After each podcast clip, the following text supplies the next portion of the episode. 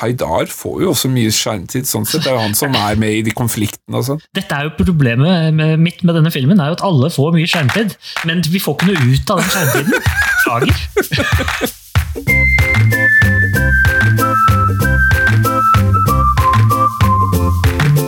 Hjertelig velkommen til Norsk film er, podkasten hvor vi snakker om norske filmer.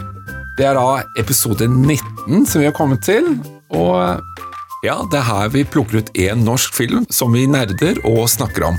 Mitt navn det er Lars Christian. Og jeg heter Robert. Vi skal snakke om film i dag. Ja, det skal vi gjøre. Og denne filmen er jo over 30 år gammel. Ja, den, eh, den begynner å dra litt på åra, den her eh, filmen. Ja, Hva er det vi skal snakke om? Vi skal snakke om en film som heter Byttinger fra 1991.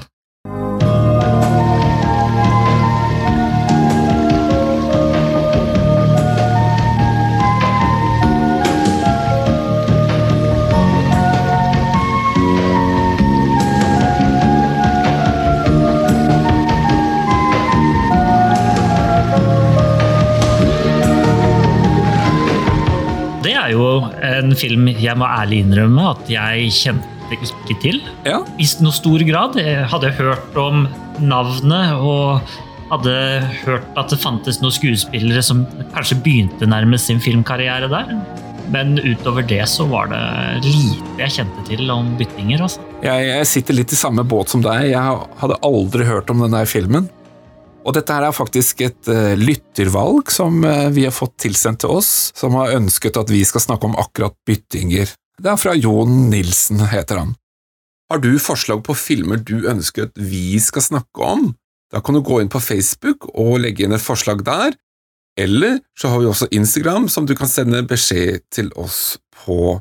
Du finner oss på begge plattformer ved å søke på Norsk film er. Dessuten så har vi også en e-postadresse, post at norskfilmer.no. Men det er jo noen kjente skuespillere med, da.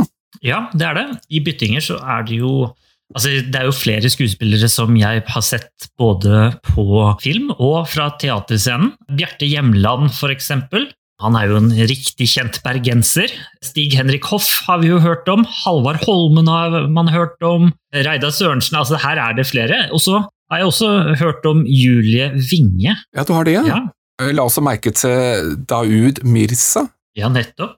Han har jo vært med i en TV-serie, jeg tror det er Fox Grønland, tror jeg den heter. Ja, Og så er det hun her um, Og hun, hun som spiller Siri, eh, som jeg ikke husker navnet på akkurat nå, men hun har jo også dukket opp sånn Arnil? litt her og der. Arnhild, ja. Little, littlere? Littlere? Littlere? Littere? Littere? Litt- Jeg, kjenner, jeg kjenner ikke hun noe godt. Jeg vet at hun dukker opp i Side om side på, på NRK, oh, eh, sin sånn komiserie. Og det gjør for over Halvard Holmen også. Han er også med der. Ja, han er jo en av, altså, Dette er jo en av sidene med denne filmen, er jo at det er veldig veldig mange hovedpersoner. Ja. Alle personer er jo hovedpersoner, så eh, alle de personene vi nevner nå, vi kunne egentlig nevnt alle sammen også, at de er alle sammen viktige for denne fortellingen. Som da er regissert av Sigve Endresen. Stemmer. Vet du hvem som har laget musikken, eh, Lars? Ja. Ja. Knut Reiersrud og eh, Fje Jonas Fjell. Ja, Jonas Fjell, ja. Ja. Han kjenner vi jo godt. Ja, og jeg, jeg hørte jo det med en gang han stemte opp flere ganger i filmen. Mhm. Fra Drammen. Ja, riktig. Eller han bor i Drammen, men han er vel egentlig fra Bodø. Ja, men han har sunget så mye om Drammen at eh, han, Ja. han godtar vi som drammenser. Ja, ja jeg er helt enig. Ellers eller så har jo vi faktisk en personlig opplevelse med en av skuespillerne. Jaha. Ja, Har vi, eller har du? Nei, vi to.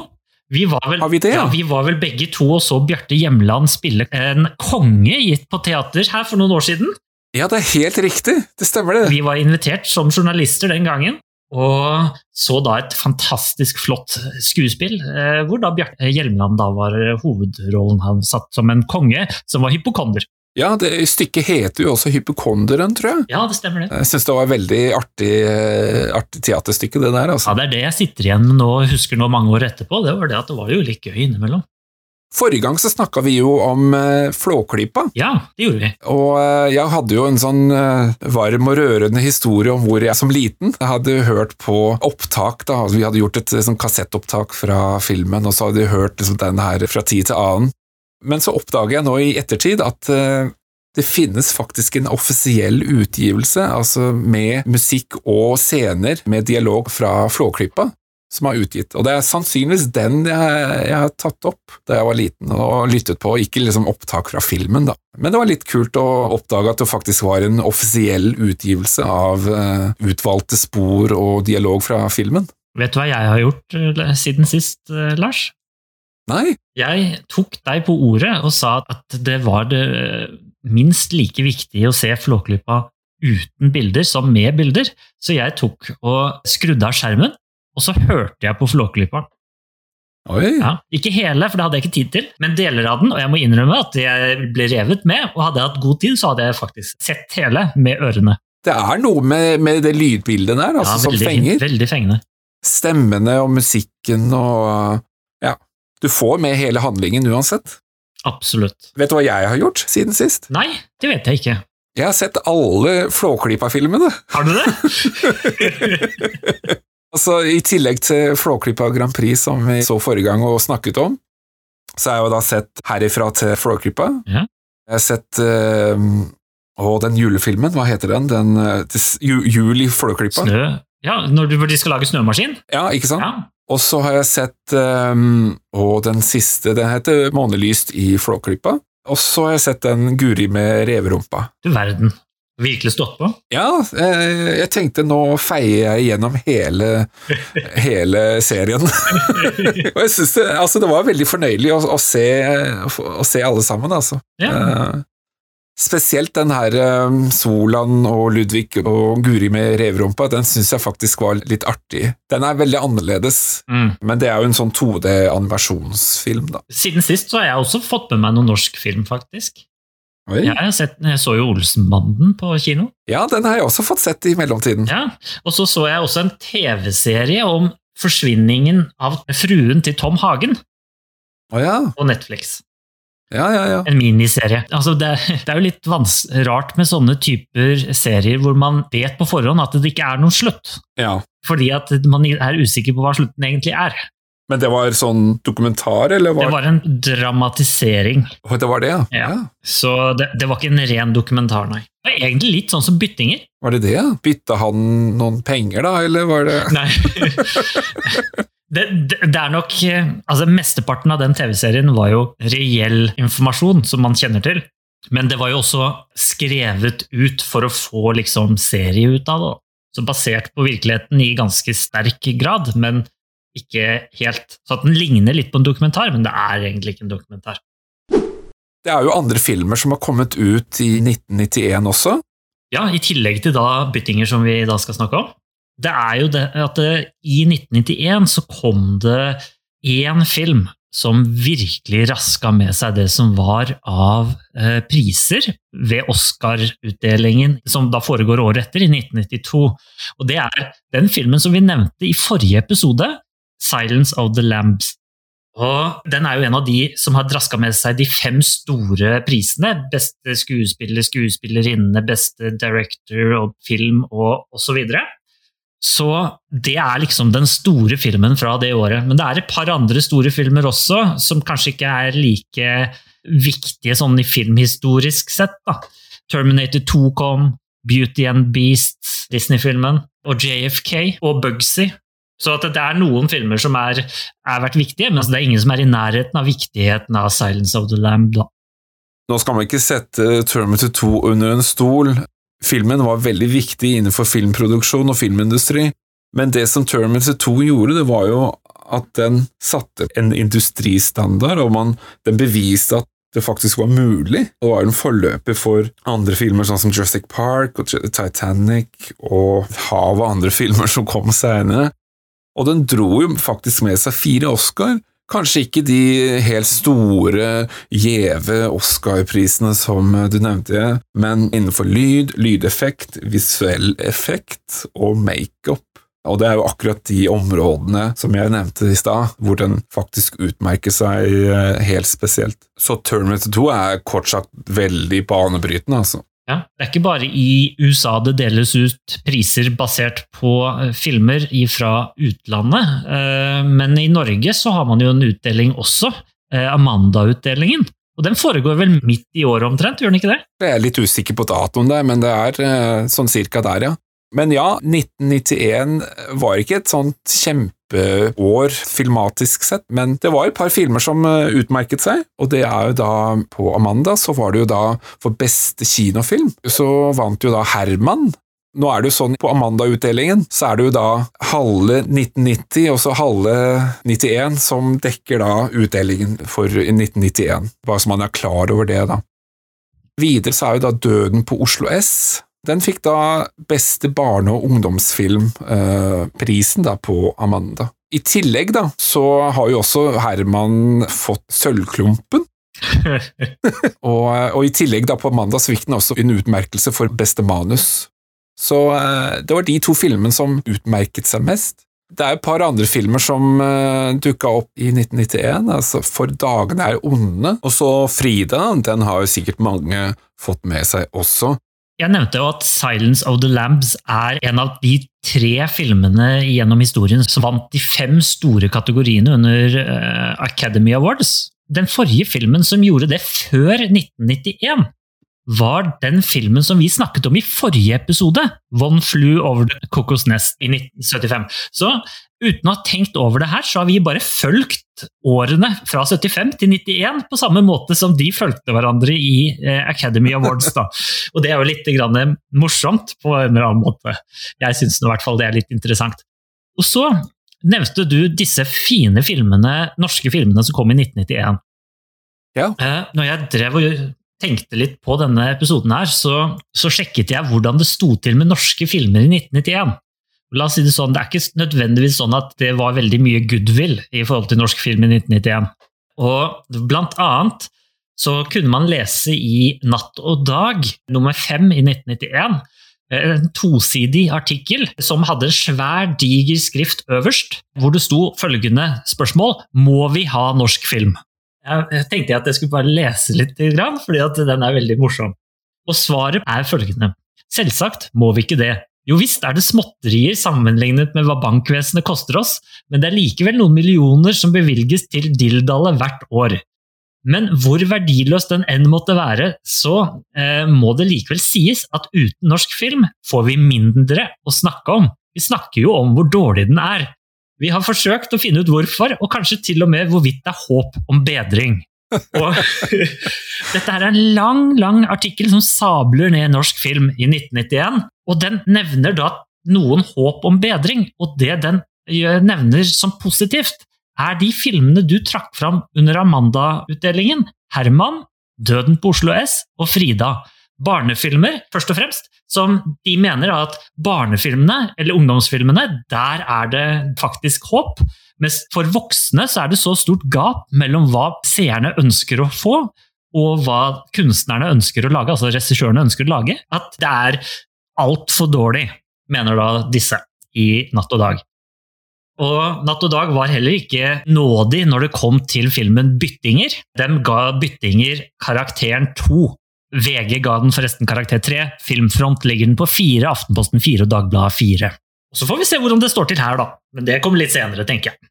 Så det er egentlig Natt og Dag sin feil at norsk film har liksom fått så dårlig rykte? Ja, hvem vet. De hadde dårlig rykte lenge før 1991. Natt og Dag er jo, er jo litt på kanten på mange måter, og, ja. og ønsker jo å være det. Men de setter fingeren der den skal være, og setter skapet der det skal være, og, og sier at uh, her må vi gjøre noe, folkens. Altså, det er noen håp. Det er Orion spilte i 85, nevner de, og sånn, men altså, det, det, ser ikke bra ut. Uh, og, og, det er litt det tidspunktet vi nå er i, 1991, med byttinger. Så når byttinger kommer, så står det ganske dårlig til med kinobransjen i Norge.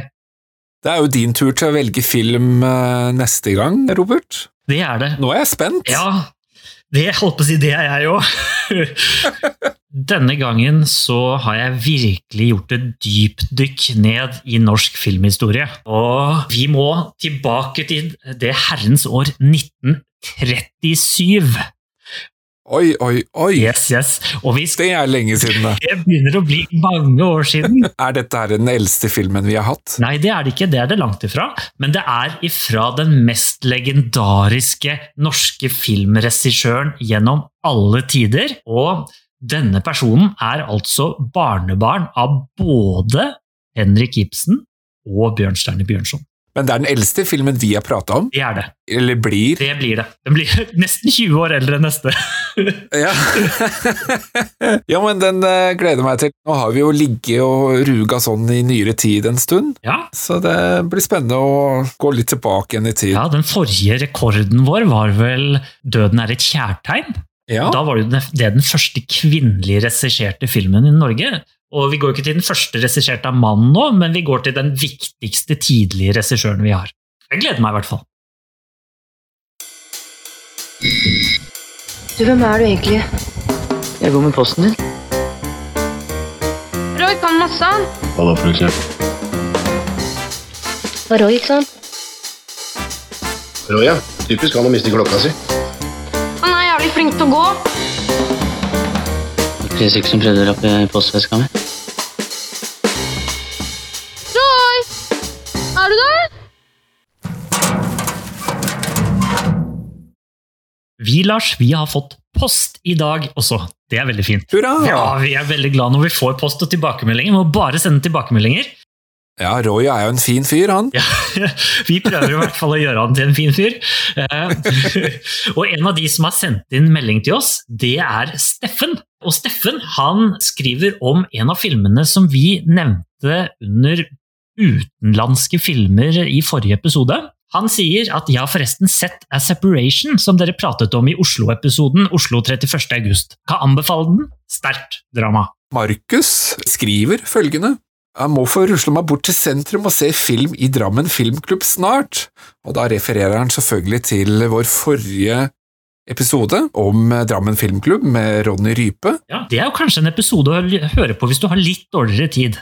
Ja, ta deg en tur, de har en knippe med gode filmer. Vi har fått melding fra ei som heter Tale. Reodor Felgen er en sånn fyr alle burde være. Smart, omsorgsfull, bryr seg ikke om penger, snill, trygg osv. Han er et forbilde i mine øyne. For meg er han det klassiske eksempelet på besteforeldregenerasjonen som holder verden i gang, uten konflikter og uten egoisme. Og det er jeg helt enig i. Ja, han er jo en En staut fyr. Han er jo en person man kan se opp til. Ja. Et forbilde, rett og slett. Alle burde ha en Reodor i sin familie. Hvis du hører på denne podkasten, så har du antageligvis funnet den. Men hvis ikke du har funnet den, eller du skal si til dine venner hvor de kan finne den, så kan du jo finne den på både Apple sin podkastplattform, Google eller Spotify sine plattformer. Vår podkast er jo også på Facebook og på YouTube. Har du noen spørsmål, kommentarer, tips til filmer som du vil at vi skal snakke om, stikk inn der og legg igjen en melding til oss. Eller så kan du legge ut beskjeden på Instagram, for der er vi også. Og vi tar gjerne imot henvendelser også på Instagram. Og på Instagram finner du bakom bilder. Eksempel i dag så er det lagt ut en sak om at vi forbereder denne episoden. Så kanskje du kan få med deg det til neste gang. Eller så legger vi ut fredagsfilmer hver fredag. Da får du et tips til hva du kan se på fredagskvelden. Vi har også episodenotater lagt på episoden her. Da får du linker og litt annen type info om ja, byttinger. Og dessuten så lister vi også opp alle filmene som vi nevner, i tilfeller du ikke får de med deg mens vi snakker. Og Det synes jeg Lars, er veldig fint, for noen ganger så glemmer jeg hva jeg har snakket om. Og da kan jeg bare gå ned i det notatet og så se at det var den filmen jeg tenkte på. Ja, ikke sant? Jeg håper også dere lyttere har glede av det.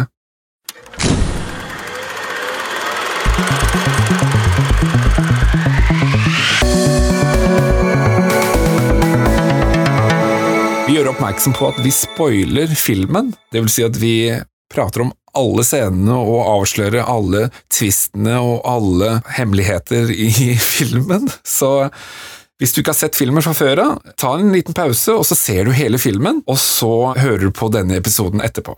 Men det kan være et lite problem med denne episoden, Lars, fordi den er litt vrien å finne, denne filmen. Jeg prøvde å se om den fantes på DVD, det gjør den ikke. Nei. Så um, Det gjør at bibliotekene ikke låner den ut. Men uh, hvis du tar kontakt med Nasjonalbiblioteket, så tror jeg du kanskje vil få til noe der, altså. Hvis du virkelig, virkelig må, vil se den. Eller så kan det være at NRK viser den innimellom.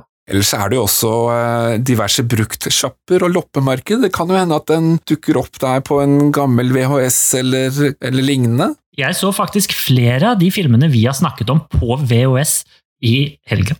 Finn.no er jo også et veldig bra sted å, å begynne, så ta et søk på nettet, så finner du kanskje filmen. Ja. Men du, Robert, Ja, hva handler denne filmen om? Ja, Det lurte jo jeg litt på også, fordi at jeg var ikke helt kjent med begrepet byttinger sånn i starten.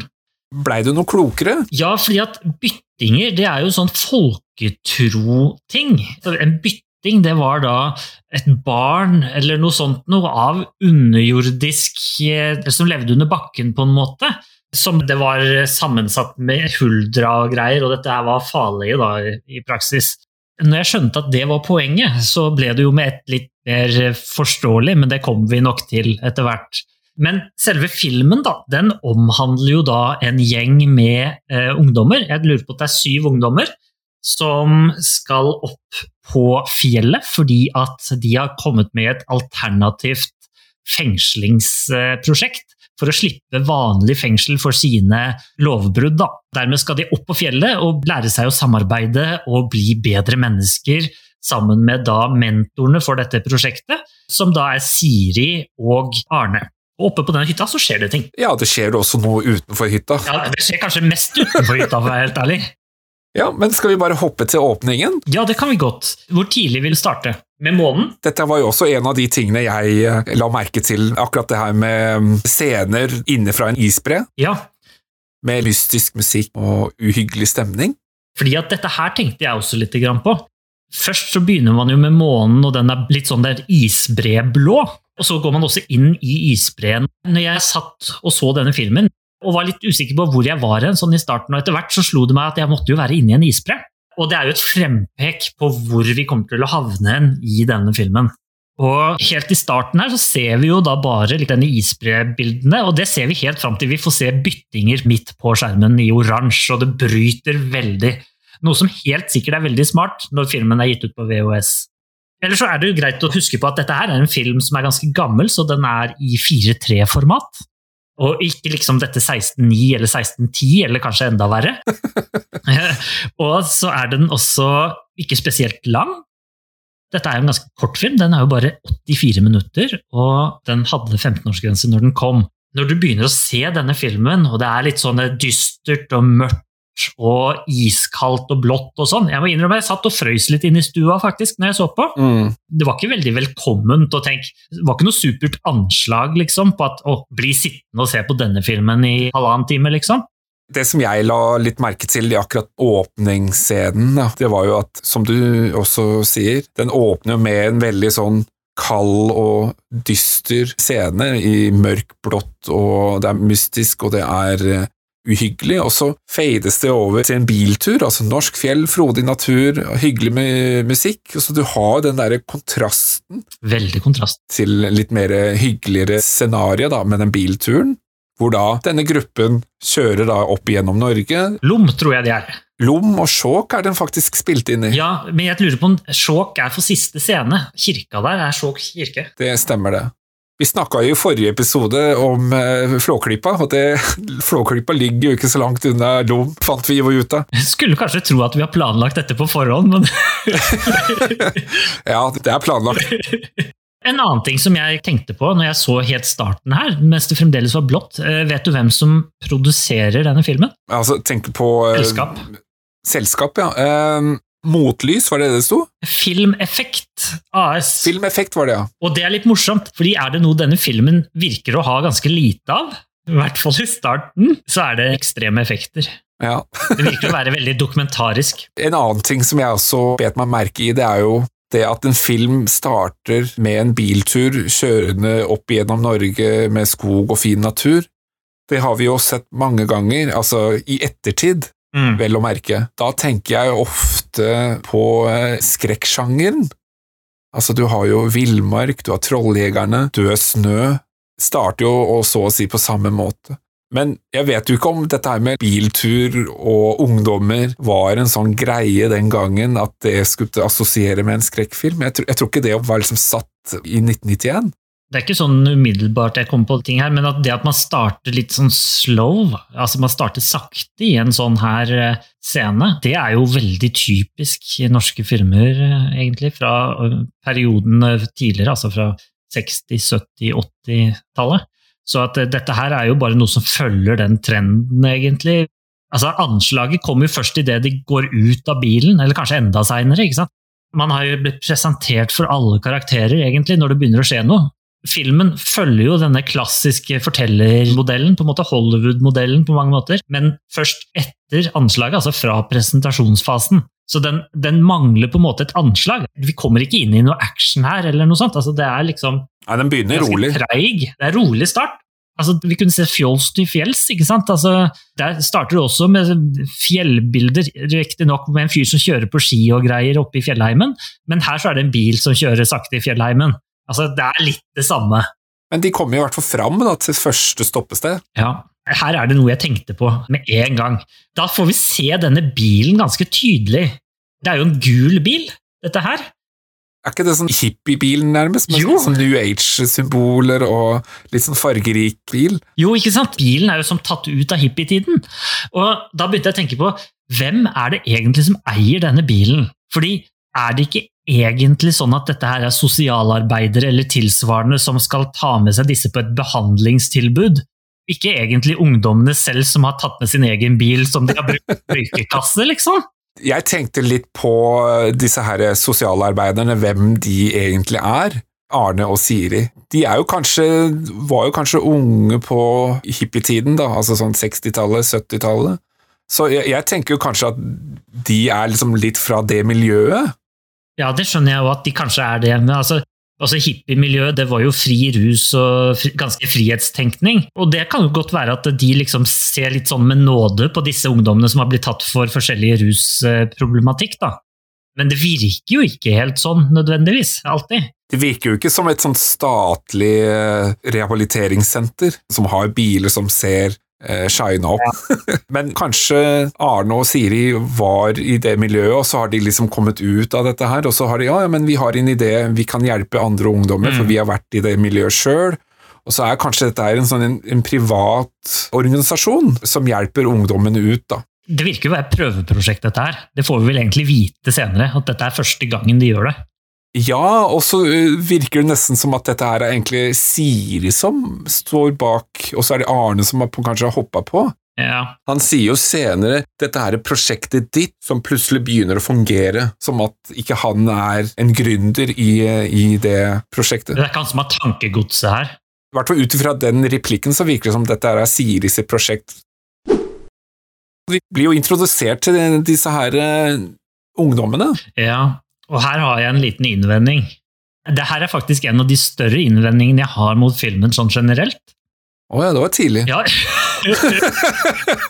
Eller det kommer an på hvor kronologisk vi skal ta dette her. Eh, Men, Ja, nei, men uh, Spill the beans. Ja, fordi denne filmen så, altså De har en utfordring med at de gjør alle syv ungdommene og de to lederne til hovedpersoner. Det er ni hovedpersoner i denne filmen. Og Det betyr at de skal presentere alle ni personene, og de skal gi alle ni personene muligheten til å skinne, og oss som seere til å bli kjent med alle ni. Og hvordan skal du få til det?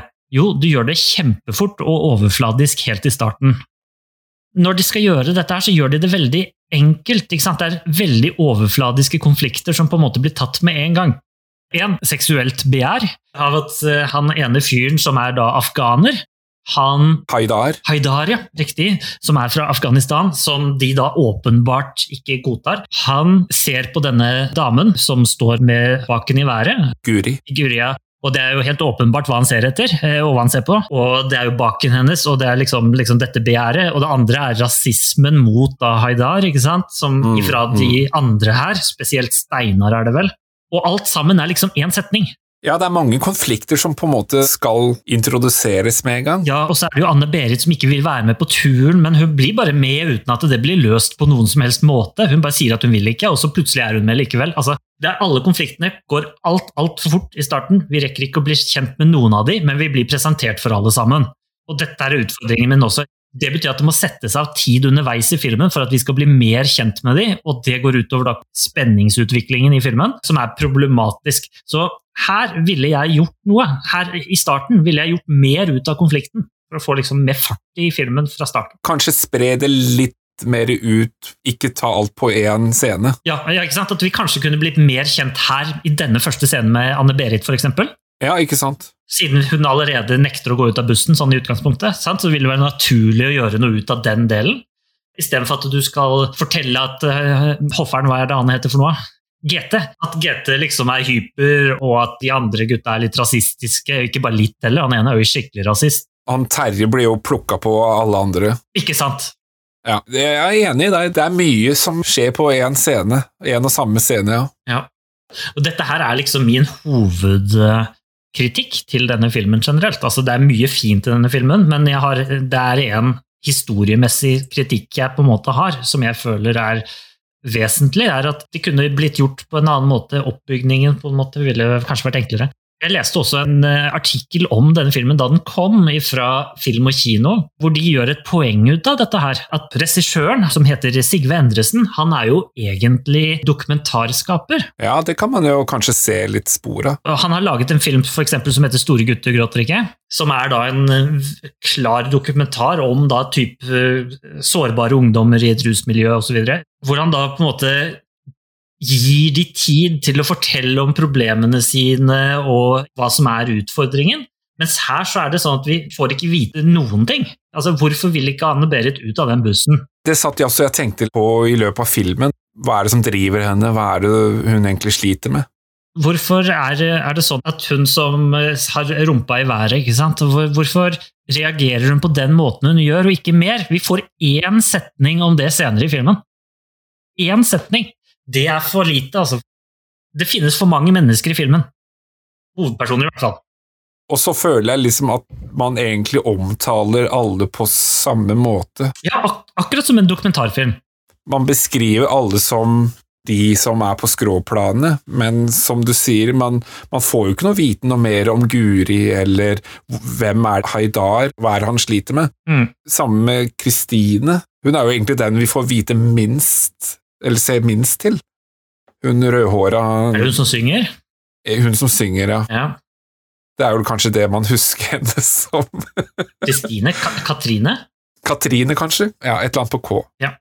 Men, eh, men, ja, eh, de kunne kanskje ha gjort litt mer med, med karakterene og karakterbyggingen. Når jeg leste denne anmeldelsen i Eller informasjonen om filmen i Film og Kino. Eh, han som skriver den, som heter Trond Olav Svendsen, han skriver det at han kaller det for et dokumentardrama.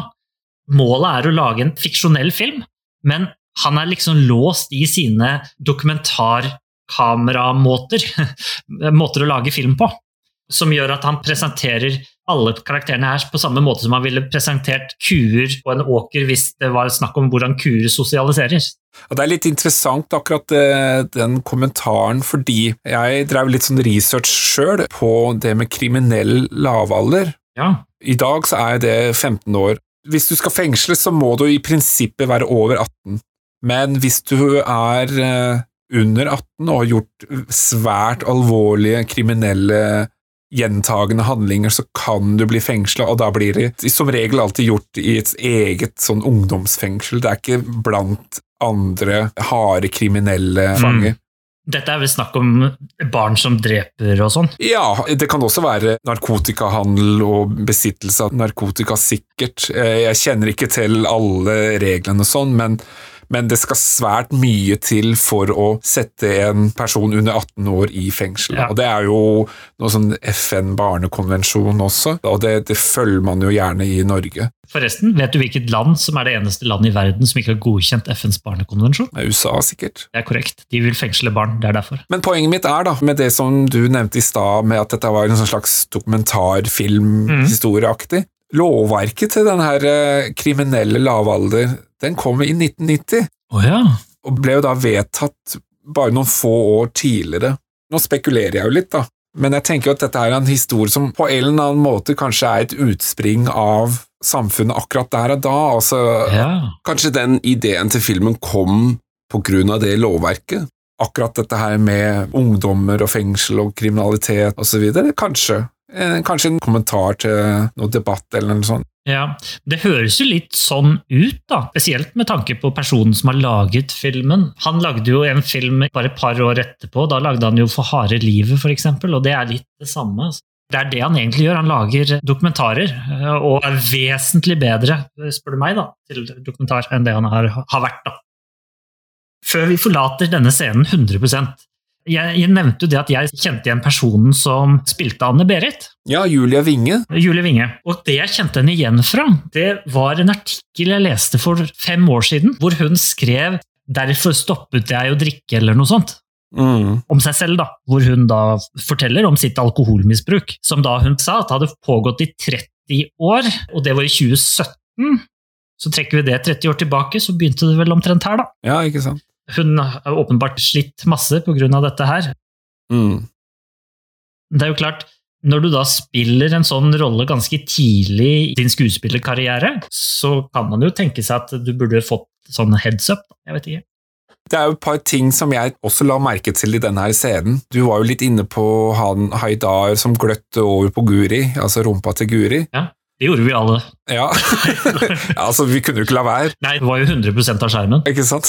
Men det som jeg legger merke til, er jo at hun syns jo egentlig det bare var ålreit. Hun sender jo sånn litt blikk tilbake. 'Å ja, du liker rumpa mi', liksom. Altså litt interessert, da, tilbake til Haidar. Men så er hun jo også, som vi skal se litt seinere i filmen, hun er jo litt den der som liker å skape konflikter og syns det er gøy å se andre slåss, eller eh, Mm. Og så er det jo også Arne syns jeg også er en litt sånn spesiell karakter. Ja, Arne er jo da denne sivilarbeideren, holdt jeg på å si. Altså, hva heter samfunnsarbeideren?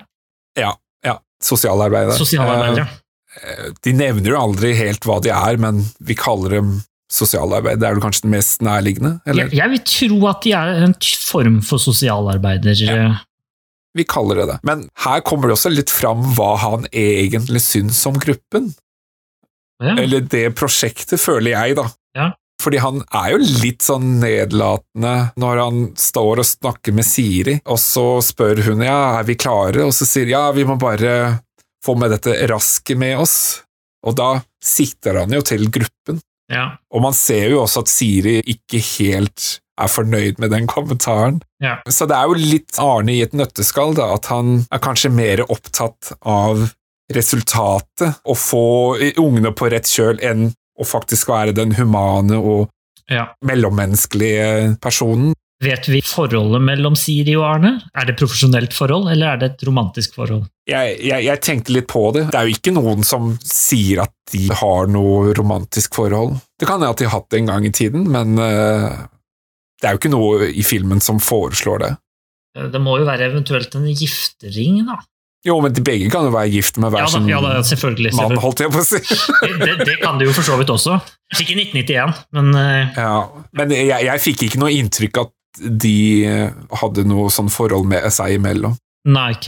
Det var litt det jeg lurte på, da. Altså, hvis de, hvis de hadde et forhold på en eller annen vis, at dette kanskje var Siri som tidligere har vært eh, på skråplanet selv, og har kommet seg ut av det, og dermed eh, på den måten startet å jobbe med det, og da truffet da denne Arne på et eller annet tidspunkt, som ikke har selv har vært på skråplanet, men bare jobber for kommunen, liksom. Ja. Og da kanskje har et annet syn, fordi at han ville egentlig bli politimann, og så kunne han ikke, liksom.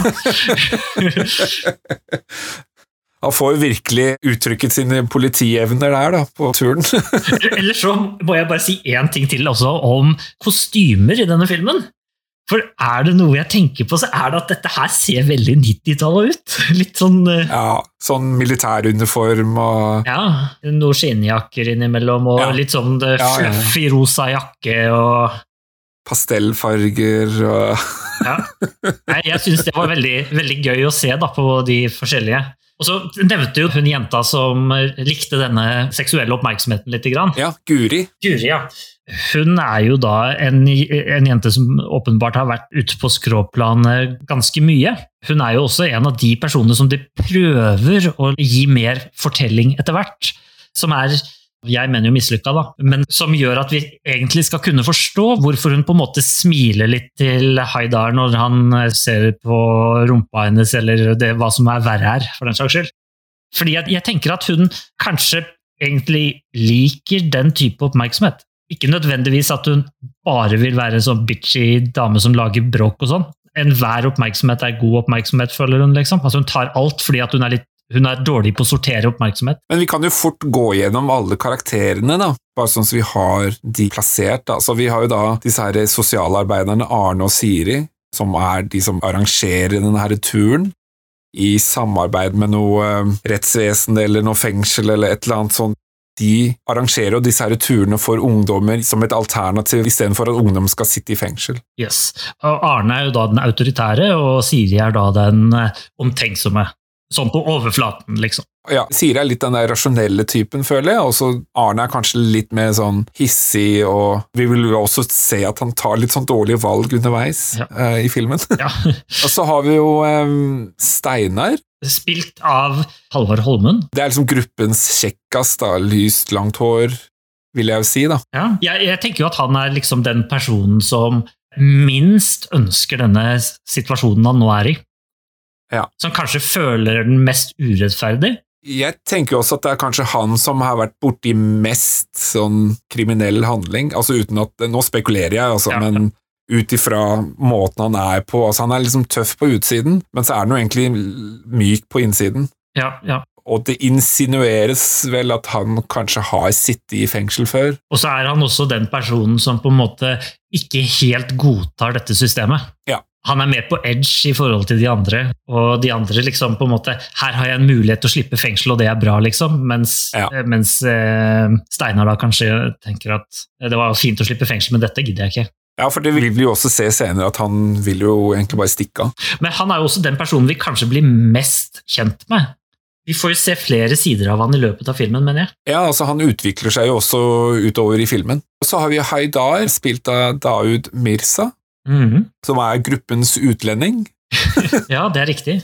Han blir jo kalt alt mulig stygt. Ja, folk kaller han jo på en måte et stygt navn med en person fra Pakistan, Mhm. men han er jo egentlig fra Afghanistan. Men det morsomme er jo at skuespilleren er jo født i Pakistan.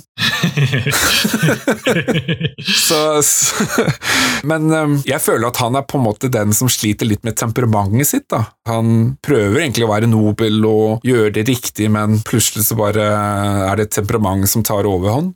ja. Ellers så tenker jeg at han egentlig er en, kanskje en ålreit fyr. Han virker jo i hvert fall det. altså Litt igjen som vi snakka om i stad, vi får jo ikke vite så veldig mye om Nei. hvorfor han er der. Nei, ikke sant? Fordi Steinar føler jeg at er litt sånn edgy, og han har gjort mye gærent. Men han her er litt mer sånn Kanskje han var på feil sted til feil tid, rett og slett. GT, spilt av Stig Henry Hoff, Henrik Hoff, er det det han heter? Ja, Offeren? Det er han derre skinheada fyren i militæruniform, Ja. som altså er litt sånn derre tøff, ass, eller tøffeste gutten i gjengen. Han er vel den personen som har ADHD Ja. og liksom ikke helt har kontroll på egne handlinger til enhver tid. Og bare flyr fram og tilbake og lever i nuet. Han har veldig sånn humørsvingninger. Mm. Enten så er han helt oppe i skyene, Mm. glad som en lerke, eller så er han nede i kjelleren og veldig nedlatende og rasistisk og sarkastisk og Ja, ja. kritiserer alt, og du skal ikke messe med han, liksom. Ja, ja, ja. Terje, eh, spilt av Bjarte Hjelmeland, han er også relativt anonym. Er ikke det gruppas gris? Jo, men han er vel også litt sånn sadist. Ja, ja, nettopp. Jeg føler ikke jeg ble så godt kjent med han, dessverre. Kanskje heldigvis. Ja. jeg fikk jo inntrykk at han er jo litt den der uh, snill og hyggelig på utsiden, og så mystisk, men så det er jo han som gjør den her eh, greia med uglen, ikke sant? Ja. Han eh, ødelegger jo dukka til, til lille jenta. ikke? Ja, det er sant. Det. Han er skikkelig drittsekk, faktisk. Han er en drittsekk, men sånn, litt sånn der sadistiske tilnærminger. Og så har vi jo da Anne-Berit med mørkt, langt hår. Gruppens sinke har jeg skrevet ned. Ja, Hun er jo liksom litt den som, ja, som sitter igjen på bussen. ja, Veldig usikker. ja. Og dette her er jo et problem. Hun tar en hel del plass i denne filmen, får masse skjermtid, men liksom, vi blir ikke noe kjent med henne, egentlig. Og handlingene kretser ofte rundt Anne-Berit. Og jeg, jeg kom til å tenke på en ting til også. Altså, hun er jo liksom den som ikke tør å gjøre noe, vil ikke, orker ikke, gidder ikke. ikke sant? Og så plutselig så er hun den initiativtakeren, og så raser hele filmen sammen, bokstavelig talt. Den snur jo veldig på personligheten. Så hun har jeg ingen kontroll på. Jeg forstår ikke hun. Men hun har også et forhold da, etter hvert til da Steinar. Stemmer. Så de utvikler jo da litt sånn kjemi seg imellom. Det kommer vi til. Og så har vi Guri, som er gruppens alfajente, hvis man kan si det sånn. Hun er jo ganske dominerende, da. Hun er jo den pene, liksom, som bare krever sin plass. Som vil ha oppmerksomhet. Ja. Og så er det jo Katrine, var det det vi fant ut at hun het? Ja. Hun rødhåret som synger. Det er stort sett det vi får vite om henne. Ja, men, men man ser jo ikke så mye til henne. Hun er jo kanskje i hytta når han her GT skal bake og sånn. Ja, det er sant. Ja. Der dukker hun opp. Og hun ligger oppi en seng, Ja, alle jentene bor på samme rom. og alle guttene. Vi snakka jo litt i stad om at hele gruppen var jo hovedpersonene. Ja. Men så er det jo likevel noen karakterer som får mer oppmerksomhet enn andre. Som jeg føler er mer sentrale enn en, en andre. Altså, det er jo da antageligvis, da, tenker jeg at du har tenkt på Anne-Berit og Steinar. Ja, altså jeg tenkte jo egentlig at filmen sånn historiemessig fokuserer veldig på Anne-Berit. Fordi hun er jo nysgjerrig på akkurat det her med bytting og snakke med Dagny. Som også er en karakter, hun som bor på hytten. Ja, Det tok litt tid før jeg skjønte hva Dagny sa, men det var jo da, først når jeg skjønte at hun snakka jo den dialekta, ikke sant? Og da gikk det greit. Steinar får jo også mye skjermtid, og, og samme med Haidar får jo også mye skjermtid, sånn sett. Det er jo han som er med i de konfliktene og sånn. Dette er jo problemet med, mitt med denne filmen, er jo at alle får mye skjermtid, men vi får ikke noe ut av den skjermtiden. Beklager. Det vi har sagt nå om hver karakter, er på mange måter alt vi har vet om hver karakter. Ja, det som vi har plukka opp i, ved å se filmen, ikke Ja, sant. ja. La oss komme oss til hytta, Lars. Vi kommer fram, og vi er på hytta første natten. På det tidspunktet her så vet du ikke om at gruppen er fra en kriminell bakgrunn. Gjør vi det? Nei, det gjør vi nok ikke. Det kommer jo fram nå, da, hvor gruppen står ute og snakker, og Steinar er jo egentlig litt utenfor gruppen, fordi han er jo sånn bråkmaker. Så da snakker jo gruppen sammen, og hvordan skal vi takle å være her, liksom, og med Steinar, og ja, det er bedre enn å sitte inne Ja, i fengsel. De er, har en kriminell bakgrunn. Vi fikk jo også vite når hun, Anne-Berit snakket om at du valgte å være med. Vi skjønner jo at de har tatt et valg her. Et viktig valg, et stort valg. Ja, ikke sant? Fordi at Jeg var jo ikke helt sikker på dette tidspunktet hva de egentlig skulle på den hytta. i det hele tatt. Nei, Så Jeg var litt usikker på hva de ville møte når de kom opp på hytta. Om det var liksom litt à la disse norske skrekkfilmene, liksom. Og så Når de kommer opp, så kunne det nesten virke som at de kom til en bemanna turistforeninghytte. Og de får mat og sånn. Og så skjønner man etter hvert at dette her er åpenbart et sted de har leid seg inn, mot at hun lokale damen skal sørge for mat. I hvert fall i en viss grad. Ja, det er litt interessant, for jeg fikk jo inntrykk av at eh, Arne og Siri de kjente Dagny. Å ja. Sånn at dette er kanskje noe de har holdt på med noen år, og dette var en person de ofte dro til. ja, riktig. Eh, Men dette er kanskje første gangen. Ja, fordi at Jeg nevnte jo det i stad, at jeg tenkte at dette kanskje var et prøveprosjekt som de ikke har gjort før. Og la oss si sånn, altså Det var ikke så stort svinn på turen at de kanskje tenkte at det kanskje vi prøver en gang til etterpå òg, men eh, Ja. Og litt tilbake til den introen, altså, som er ganske sånn mørk og mystisk og sånn. Ja. Når de kommer opp til den her hytta, så begynner jeg liksom å tenke å ja, er dette her skrekksjanger? Ja. Skal denne gruppen som ut i naturen også forsvinne én og én? ja, det ser jo ut som fritt vilt. Ja, så jeg tenkte det er der vi liksom går mot. Jeg oppdaget jo etter hvert at det var jo ikke det. Men når de, når de kommer inn til hytta der, ikke sant? idet de går mot hytta, så ser de jo alt er veldig mørkt, og du ser bare lys i denne litt store hytta oppe på For det er jo en setereiendom. Og så kommer de inn, og så blir de møtt av en sånn bygdetulling som driver og serverer de rømmegrøt. Og det er ingen som vil ha rømmegrøt. Her, vet du, de, de tenker jeg skulle gjerne sitte inne med vann og brød, ikke sant? for å slippe unna denne nasjonale skatten som rømmegrøt er. da. Og når de da går og får liksom maten Noen tar jo, og andre tar ikke. Og på det tidspunktet så tenkte jeg at Bjarte Hjelmelands karakter var en eh, fin fyr. Han var den eneste som hilste på hun dama. Ja, han var jo i hvert fall hyggelig. Ja, Og så blir vi introdusert til denne ugla. Ja, den er jo litt sånn halvveis sentral i filmen. Og det lurte jeg litt på òg. Er den ugla litt sånn som kråka i De dødes tjern? Ja, Skulle ikke kråken være en sånn der manifestasjon av han fyren som gikk igjen? ja på den måten, ja. Ja, At denne uglen er en slags bytting? Eller at den er en sånn vaktbikkje mot uh, byttinger? Jeg fikk ikke det helt for meg, om den skulle være der til beskyttelse mot byttingene, eller om det var potensielt en bytting som de hadde kontroll på, eller noe. Mm. Det er jo et veldig godt spørsmål. Altså, Dagny er jo den som oppriktig tror på dette her eh, sagnet eller myten da om byttinger. Hun er jo veldig mystisk når hun snakker om dette her eh, temaet.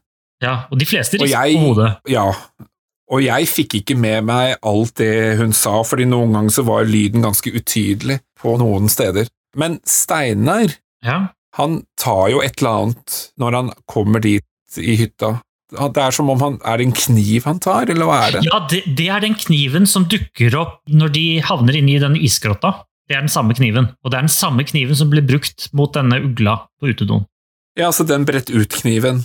Ja, det er den han oh, tar. Så det er ikke en kniv han har hatt med seg hjemmefra, alt jeg på å si? Jeg så jo det han tok, og jeg skrev det ned som et eget notat for meg selv, at hva i all verden er det han tar? Og underveis i filmen, når vi fikk se den kniven igjen som han folder ut, så tenker jeg at det er det samme.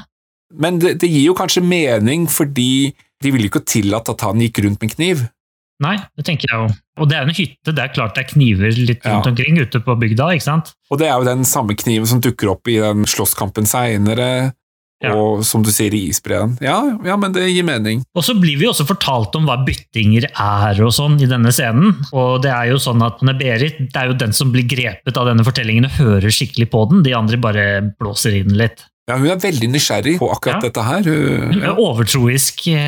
Eh, Ja, han Terje sitter vel også der og, og legger merke til at den her uglen er litt urolig. De sitter jo og ser på den ugla, tre stykker i sofaen der. Det er et eller annet rart med den ugle. De spør jo ja, hva slags ugle er det, og så sier nei, det er ikke en ugle, det er en bytting. Eller så kan jeg jo spesifisere dette med Steinar. altså Når han går og liksom ser seg om etter noe våpen, så, så kommer Arne inn, og da trekker han hånda tilbake. Og så snur Arne seg, og så tar han kniven. Ja, stemmer. Det er en kniv han tar ifra hytta. Scenene skifter veldig mye her, sånn litt fram og tilbake, men vi ender jo også opp inne på soverommet hvor jentene skal være. Jeg lurer på om vi er vi ikke hos gutta først? Jo, det er mulig vi er eh, hos gutta først, men skjer det noe Ja, det er en viktig ting som skjer der. fordi at Steinar han har i beltespenna si så har han tatt en eller annen form for jeg vil tippe en joint av noe slag. Ja, Som han har. Ja, en eller annen form for dop. Det kan jo selvfølgelig være noe pille eller noe annet rart. Og han spør om folk vil være med og fly, ikke sant? Ja, ja. De andre ikke sant? Yes! Ja.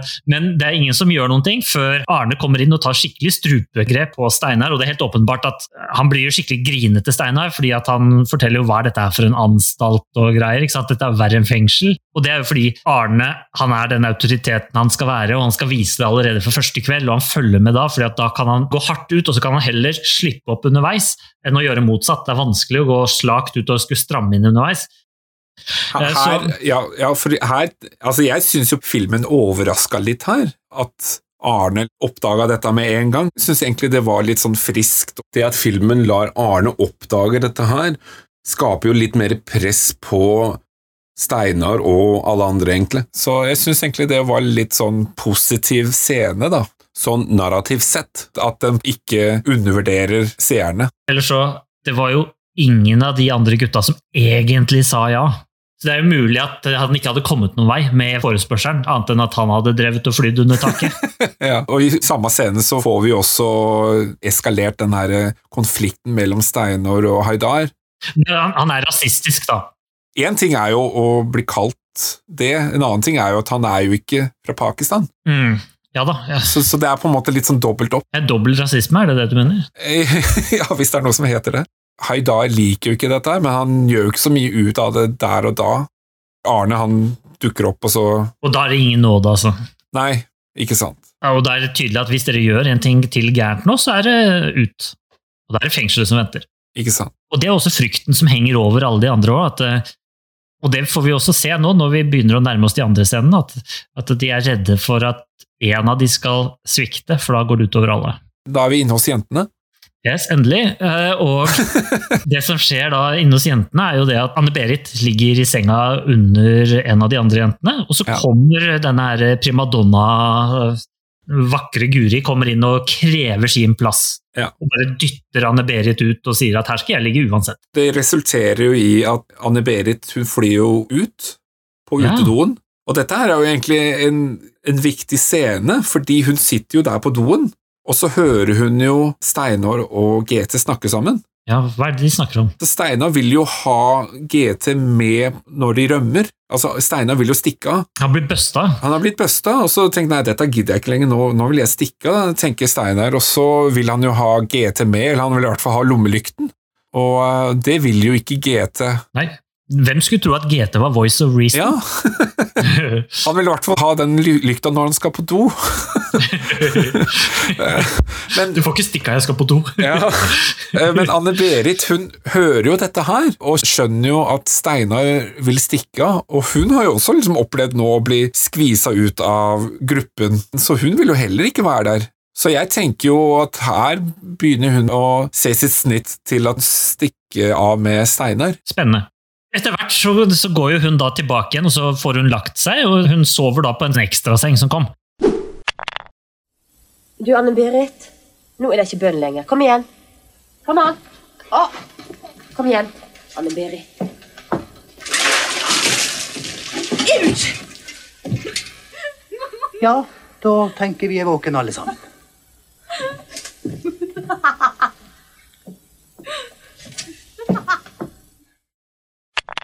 Så kommer Arne inn og kaster en bøtte med vann i ansiktet på henne, og da er jo senga våt, og hun er våt, og det det er ikke noe gøy å ligge der lenger, så da må hun bli med. Ja. Og her kunne vi blitt skikkelig godt kjent med alle karakterene. Det som skjer, er at vi egentlig ikke blir det. Ja, ja for det, nå, nå er det jo neste morgen, som du insinuerer, da. Og nå kommer det en serie med forskjellige scener.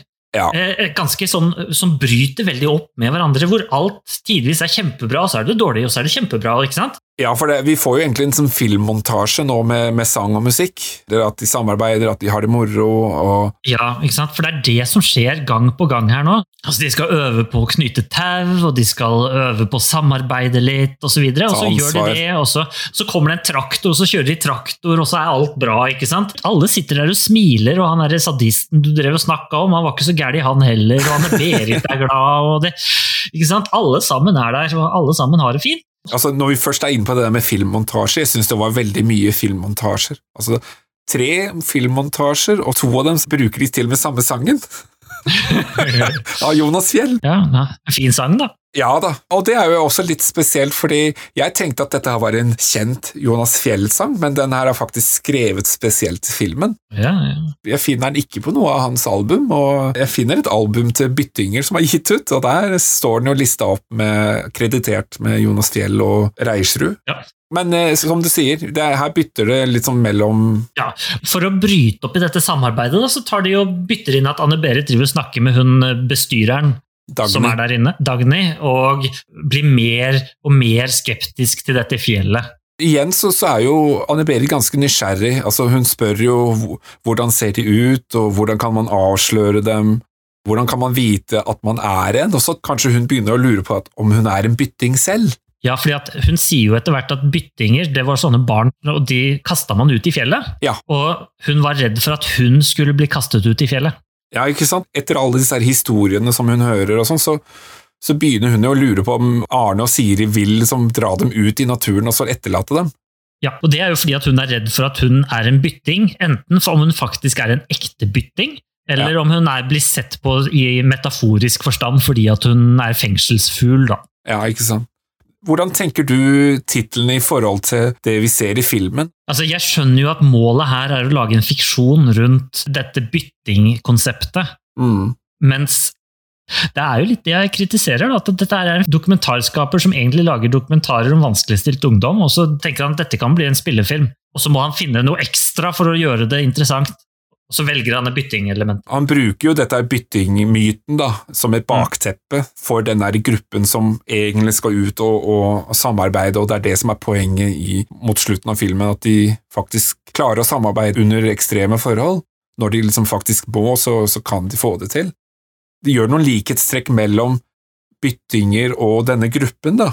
De prøver liksom å stille spørsmål, da. Er, det, er gruppen en bytting? Altså, Hele gruppen, ja. ja, altså, fordi det er, en- det er jo personer som man i samfunnet kanskje ikke ønsker å ha noe med å gjøre, eller man vet ikke hvordan man skal håndtere dem, Eh, det er kanskje like greit å bare sette dem ut i naturen og la dem klare seg sjøl, få dem vekk fra bybildet. Jeg tror det er det de på en måte prøver å spille litt på, da. Jeg må bare si at nå i de neste scenene igjen, så er det her det samme som i stad. Det er en, byt en bytting. altså, sinnsstemningen går opp og ned noe så voldsomt, og det virker som den har gjort det for den personen som har laget filmen også. Hvor du nå da, plutselig så er vi nå ute i snøen, og da skal de lære seg samarbeide der, og så nå vil ikke Anne-Berit gjøre noen ting. ikke sant? Og da låser det seg helt her, av en eller annen grunn, og da får- kjenner vi litt på at Arne er streng, og at hun Siri prøver å være myk og sånn, men plutselig så Plutselig så er det over likevel. altså Vi får ikke noe løsning på det der. Nei. Og vi får se litt grann av Steinar da, som kommer opp og prøver å være en kjærlig fyr og greier. Ja. Og plutselig så sitter de ute og kliner ute på seteren, og det er liksom sommer. Ja. ja, den svinger litt sånn mellom sjanger, Ja. føler jeg. Ja, Men litt tilbake til hun Dagny og den ugla, og det med byttingen, for hun snakker jo mye om akkurat det der. For det var noe som jeg bet meg merke i, fordi hun forteller om en jente som ble født i bygda der. Og så sier hun jenta hadde samme øyefarge som sin egen mor, og så forteller hun at moren til jenta tar da jenta til presten, og så sier jo presten at hun er en bytting, og så vil jo da moren etterlate henne, og gjør jo det da oppe i isbreen, og så kommer tilbake igjen aleine. Og det er her, altså, jeg, jeg har så mange spørsmål rundt dette her. Altså, hva betyr det at jenta hadde samme øyefarge som hennes egen mor? Jeg antar at den jenta som hun snakker om, det er den jenta de finner seinere i isbreen. Er det du tenker, at dette er ungen til Dagny? Ja, det er det jeg lurer på. Hvem er den jenta i forhold til Dagny? Hvis det er samme øyefarge som hennes mor, da, er det da tanten til Dagny, eller er det en søster til Dagny? Hvem er hun lille jenta som bor oppe på den seteren? da? Er det ungen til Dagny? Det må det jo være. Er ikke hun litt ung for å være Jo, er det bestemoren, da, kanskje? Ja, det er det Ja. Men altså, moren kan Ok, så da kan du ikke være ungen til Dagny. Eller kan jo. Det kan i hvert fall ikke være moren til hun lille jenta, for det er jo bare et knøttlite barn. Så hun må ha flere barn, da. Men altså, dette her er jo umulig å finne ut av. Men, men, men det virker som at filmen gjør poeng ut av å, å nevne Ja, det var øyefargen til, Mm. til moren til Dagny. Filmen forklarer aldri dette. Og så er det jo dette her med den uglen, da. For tidligere så sier jo Dagny at byttinger er jo At det er sånn trolleslekt som bytter menneskebarn med sine egne barn, ikke sant? Og så snakker hun som om at den fysiske kroppen er der, men det er sjelen som blir bytta, ikke sant? Ja. Men så sier hun også at byttingen også skjer inn i hauk, eller helst ugler. Mm. Så er jo spørsmålet hvem er i den ugla? Er det Ungen? Ja, ungen som hun snakket om nå i stad? Ja, Ikke sant? Altså, her er det masse ting som ikke blir svart på i det hele tatt. det er en mulighet. At hun nå har tatt vare på den ugla fordi det er hennes unge. Ja, for jeg, hadde ikke inntrykk av at hun snakket om sin egen unge. Men det er ikke sikkert hun ønsket å åpne opp om det. Det kan godt hende. Det er mye her, altså. Det er jeg enig i. Det er bare masse spørsmål egentlig fra det. Ja, den slenger masse sånne løse tråder ut. Ja, og egentlig så skjer det jo ikke noen ting fornuftig for denne fortellingen før de slåss oppe på seteren. Nei, det gjør jo egentlig ikke det. Altså, Det er jo ti minutter film, kanskje mer, hvor de kunne brukt tid på fornuftige ting. de der fotomontasjene Altså, vi skjønner at de har det gøy, skal samarbeide. Ja, altså, vi har, Istedenfor den filmmontasjen, så mener jeg de kunne fått fram de samme poenget med dialog og plotthandling. dette her kunne de brukt mye kortere tid på. Ja, ja. Og, og brukt tid på å bli kjent med karakterene, og så videre. Ja. Det er jo fint at vi får se at de er der over lengre tid. At det er At det er snakk om at de lærer seg å gå i fjellet, at de lærer seg å bruke utstyr, at de lærer seg å samarbeide, at de sitter og spiller gitar på kvelden, og at de helt sikkert har humørsvingninger da, som skal vises. ikke sant? At dette er tingen, Men altså, dette vet vi at de har. Ja, ja, ja. ja. Dette her er ikke så farlig for oss å få med oss. Og så, og så går det ganske lang tid, og så hva er det neste viktige her nå? Altså, er det ikke det at de slåss? En, en ting er jo at AB og Steinar de sitter jo der og, og får litt sånn sympati med hverandre. og altså De starter egentlig et slags forhold der og da. Ja, når de sitter ute på den Ja. sletta. Ja, altså, jeg tenker jo at det kanskje har skjedd både det ene og det andre der ute. Ja, fordi Terje han står jo på avstand og kikker med kikkert ikke sant? og syns dette er kjempespennende. Ja, det er klart. Da, da kan du jo på mange måter se at den ene personen er noe avkledd. Når Terje ser på dem, så tror jeg begge er det. I hvert fall toppløse. Ja, ikke sant? Og det betyr jo at det antageligvis foregår et eller annet. Og så kommer jo Heidar og syns dette er ekkelt at han driver med. Ja, Han kikker jo sjøl også. ja da, ja da. Men han kikker jo for å se hva han kikker på. Sånn i utgangspunktet, i hvert fall. Det er liksom fram og tilbake med filmmontasjer og uh, lek og arbeid. Det er mange av dem. altså Det er jo kjempemange av disse filmmontasjene. Vi ser jo både han GT inne på kjøkkenet er Ja. helt ko-ko, ikke sant? Jeg syns egentlig det var en kul scene. Det var egentlig av de bedre scenene. Jeg bare tenkte at ok, her ser jeg uh, Henrik Hoff senere. Jeg likte den scenen, altså. De kunne jo beholdt den scenen, og så kunne de tatt liksom og sagt at eh, disse scenene foregår i kanskje 15 minutter. Det er lenge, altså. Og jeg nevnte det før, det er mange filmmontasjer, altså. Men det er en scene før den her slåssscenen hvor han Terje og hun lille jenta sitter og prater sammen med disse her dukkene, og så tar han Ja. jo dukkene og liksom knekker beinet eller et eller annet, og Er ikke det senere? Fordi at Jeg husker at Anne-Berit snakket med hun lille jenta om disse dokkene som så ut som sånne voodoo-dokker. omtrent. Jeg bare nevner dette her, for det er jo rett før slåssscenen. Ja, fordi at Det viktige med slåssscenen er jo det at det viser at det, det kommer litt sprekker i paradiset her. Ja, du har rett. Altså, den her med han Terje og dukkene, det, det bytter egentlig litt mellom slåssscenen og så det- når Steinar stikker av og sånn, så det er liksom litt om hverandre. Men disse her dukkene skjønner jeg ikke er altså, Du nevnte voodoo, det har jeg også notert ned. Ja. Hva er greia med disse dukkene? Jeg tror det er en liten jente av dokker som han leker med, og så sier hun den ligner litt på et eller annet. Jeg husker ikke akkurat hva det var. Hun ligner på Steinar, sier hun, og så vil hun gi den til Steinar. Ja, Og så tar han den ene fyren og knekker beinet på Eller huet, eller hva det er. Ja, ja. Men det er jo bare at han ikke liker Steinar så godt. Ja, ikke sant. Jeg tenker det er litt sånn frempek i forhold til at han prøver å eh, beskylde Steinar forhold til den kniven og ugla. Men jeg tenker jo at det neste viktige som foregår, er at disse at eh, det er en slåsskamp Ja. mellom Steinar og Haidar, hvor da hun Anne-Berit havner i midten, og hun andre jenta er jo den som egler opp til dette her. Han derre pakkisen som pulte dama di stående rett foran trynet på deg, og du bare stakk. Sikkert det beste knullet hun har fått noen gang.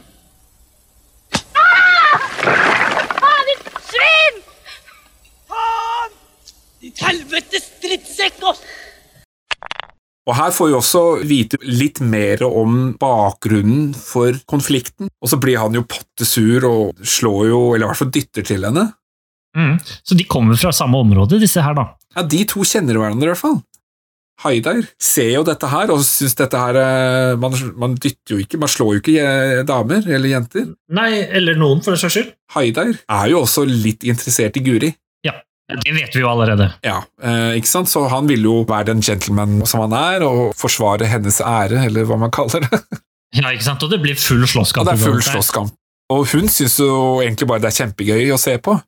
Ja, ikke sant? Det er to gutter som slåss om, eh, slåss om henne, eller for henne, eller Ja. ikke sant? Ja.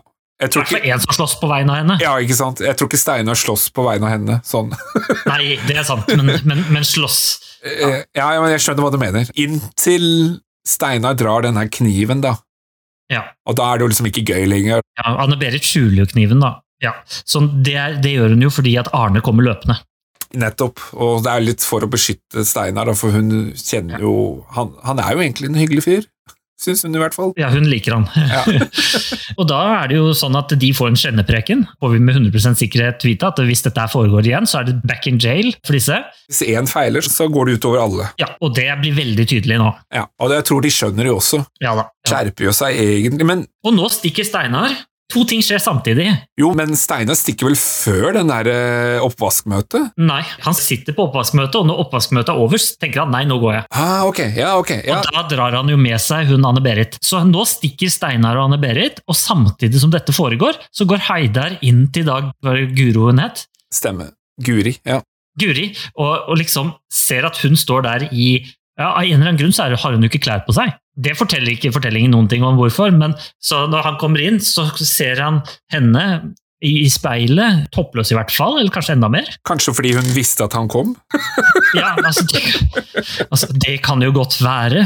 Men han er der inne, og han ser på dette her som en mulighet. ikke sant? Han er jo betatt av denne vakre skjønnheten. Ja. Og hun bråstopper jo han ikke. Hun sier jo ikke 'nei, gå ut'. Nei, hun eh, er jo også litt sånn som i, i, sta, i starten. Ja, Hun leder han litt an. Ja, ikke sant? Altså, han så jo på rumpa hennes, og det litt Ja. det samme humøret her, da, ikke sant? Ser du noe du Ja. liker?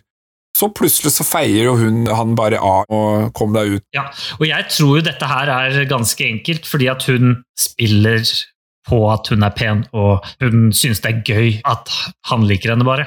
Ja, og så kan hun snu han litt rundt lillefingeren og Ja, ja det er jo det hun gjør. Men det dypere er jo at hun sliter jo med å knytte seg til menn. Jeg tenker på at hun ser alle menn som kunder. Ja, ja. Av den grunn så, så blir hun liksom redd og liksom skyver dem unna og når, når det liksom blir for nært. da. Og så kommer jo Siri inn. Ja, Her så har jeg en høne å plukke med denne filmen. Fordi at Her får jo vi en kjempemulighet til å virkelig bli godt kjent med da Guri, og det gjør vi ikke, fordi at hun bare begynner å gråte. Vi skjønner jo at, det, at hun treffer en nerve når hun driver og snakker med henne med manko på ekte forhold og sånn, men vi får ikke noe løsning på det. Vi får ingenting, egentlig. Vi bare sitter igjen med at hun blir trist, og vi skjønner at å ja, men hun har det ikke hatt det bra, liksom. Men ingen av de har hatt det bra. Det er jo derfor de er der. her kunne det vært en lengre dialog mellom de to, men det vi egentlig får, er egentlig bare konklusjonen. Vi, vi får konklusjonen av en lengre samtale, føler jeg. Her er det så muligheter. Denne filmen er én. Altså, den er jo ikke kjempelang heller. Nei.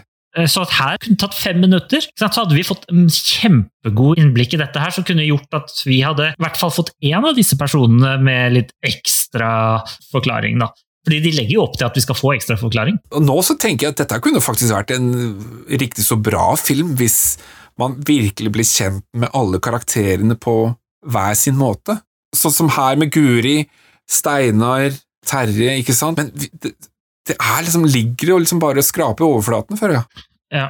Og det er jo nå da vi får, nå mens da denne samtalen foregår, og at Steinar og Anne-Berit løper av gårde fra denne hytta, at han ene psykoen han driver og tar av og river av huet på dokka og sånn. Ja, ja for det, det, det skifter litt sånn mellom, uh, Ja. det stemmer det. Ja, og Det som er spennende her, er jo det at når Steinar og Anne-Berit stikker av, så faller Anne-Berit ned fordi at hun ikke stoler på Steinar. Her har jeg noe å plukke med scenen. Ja vel?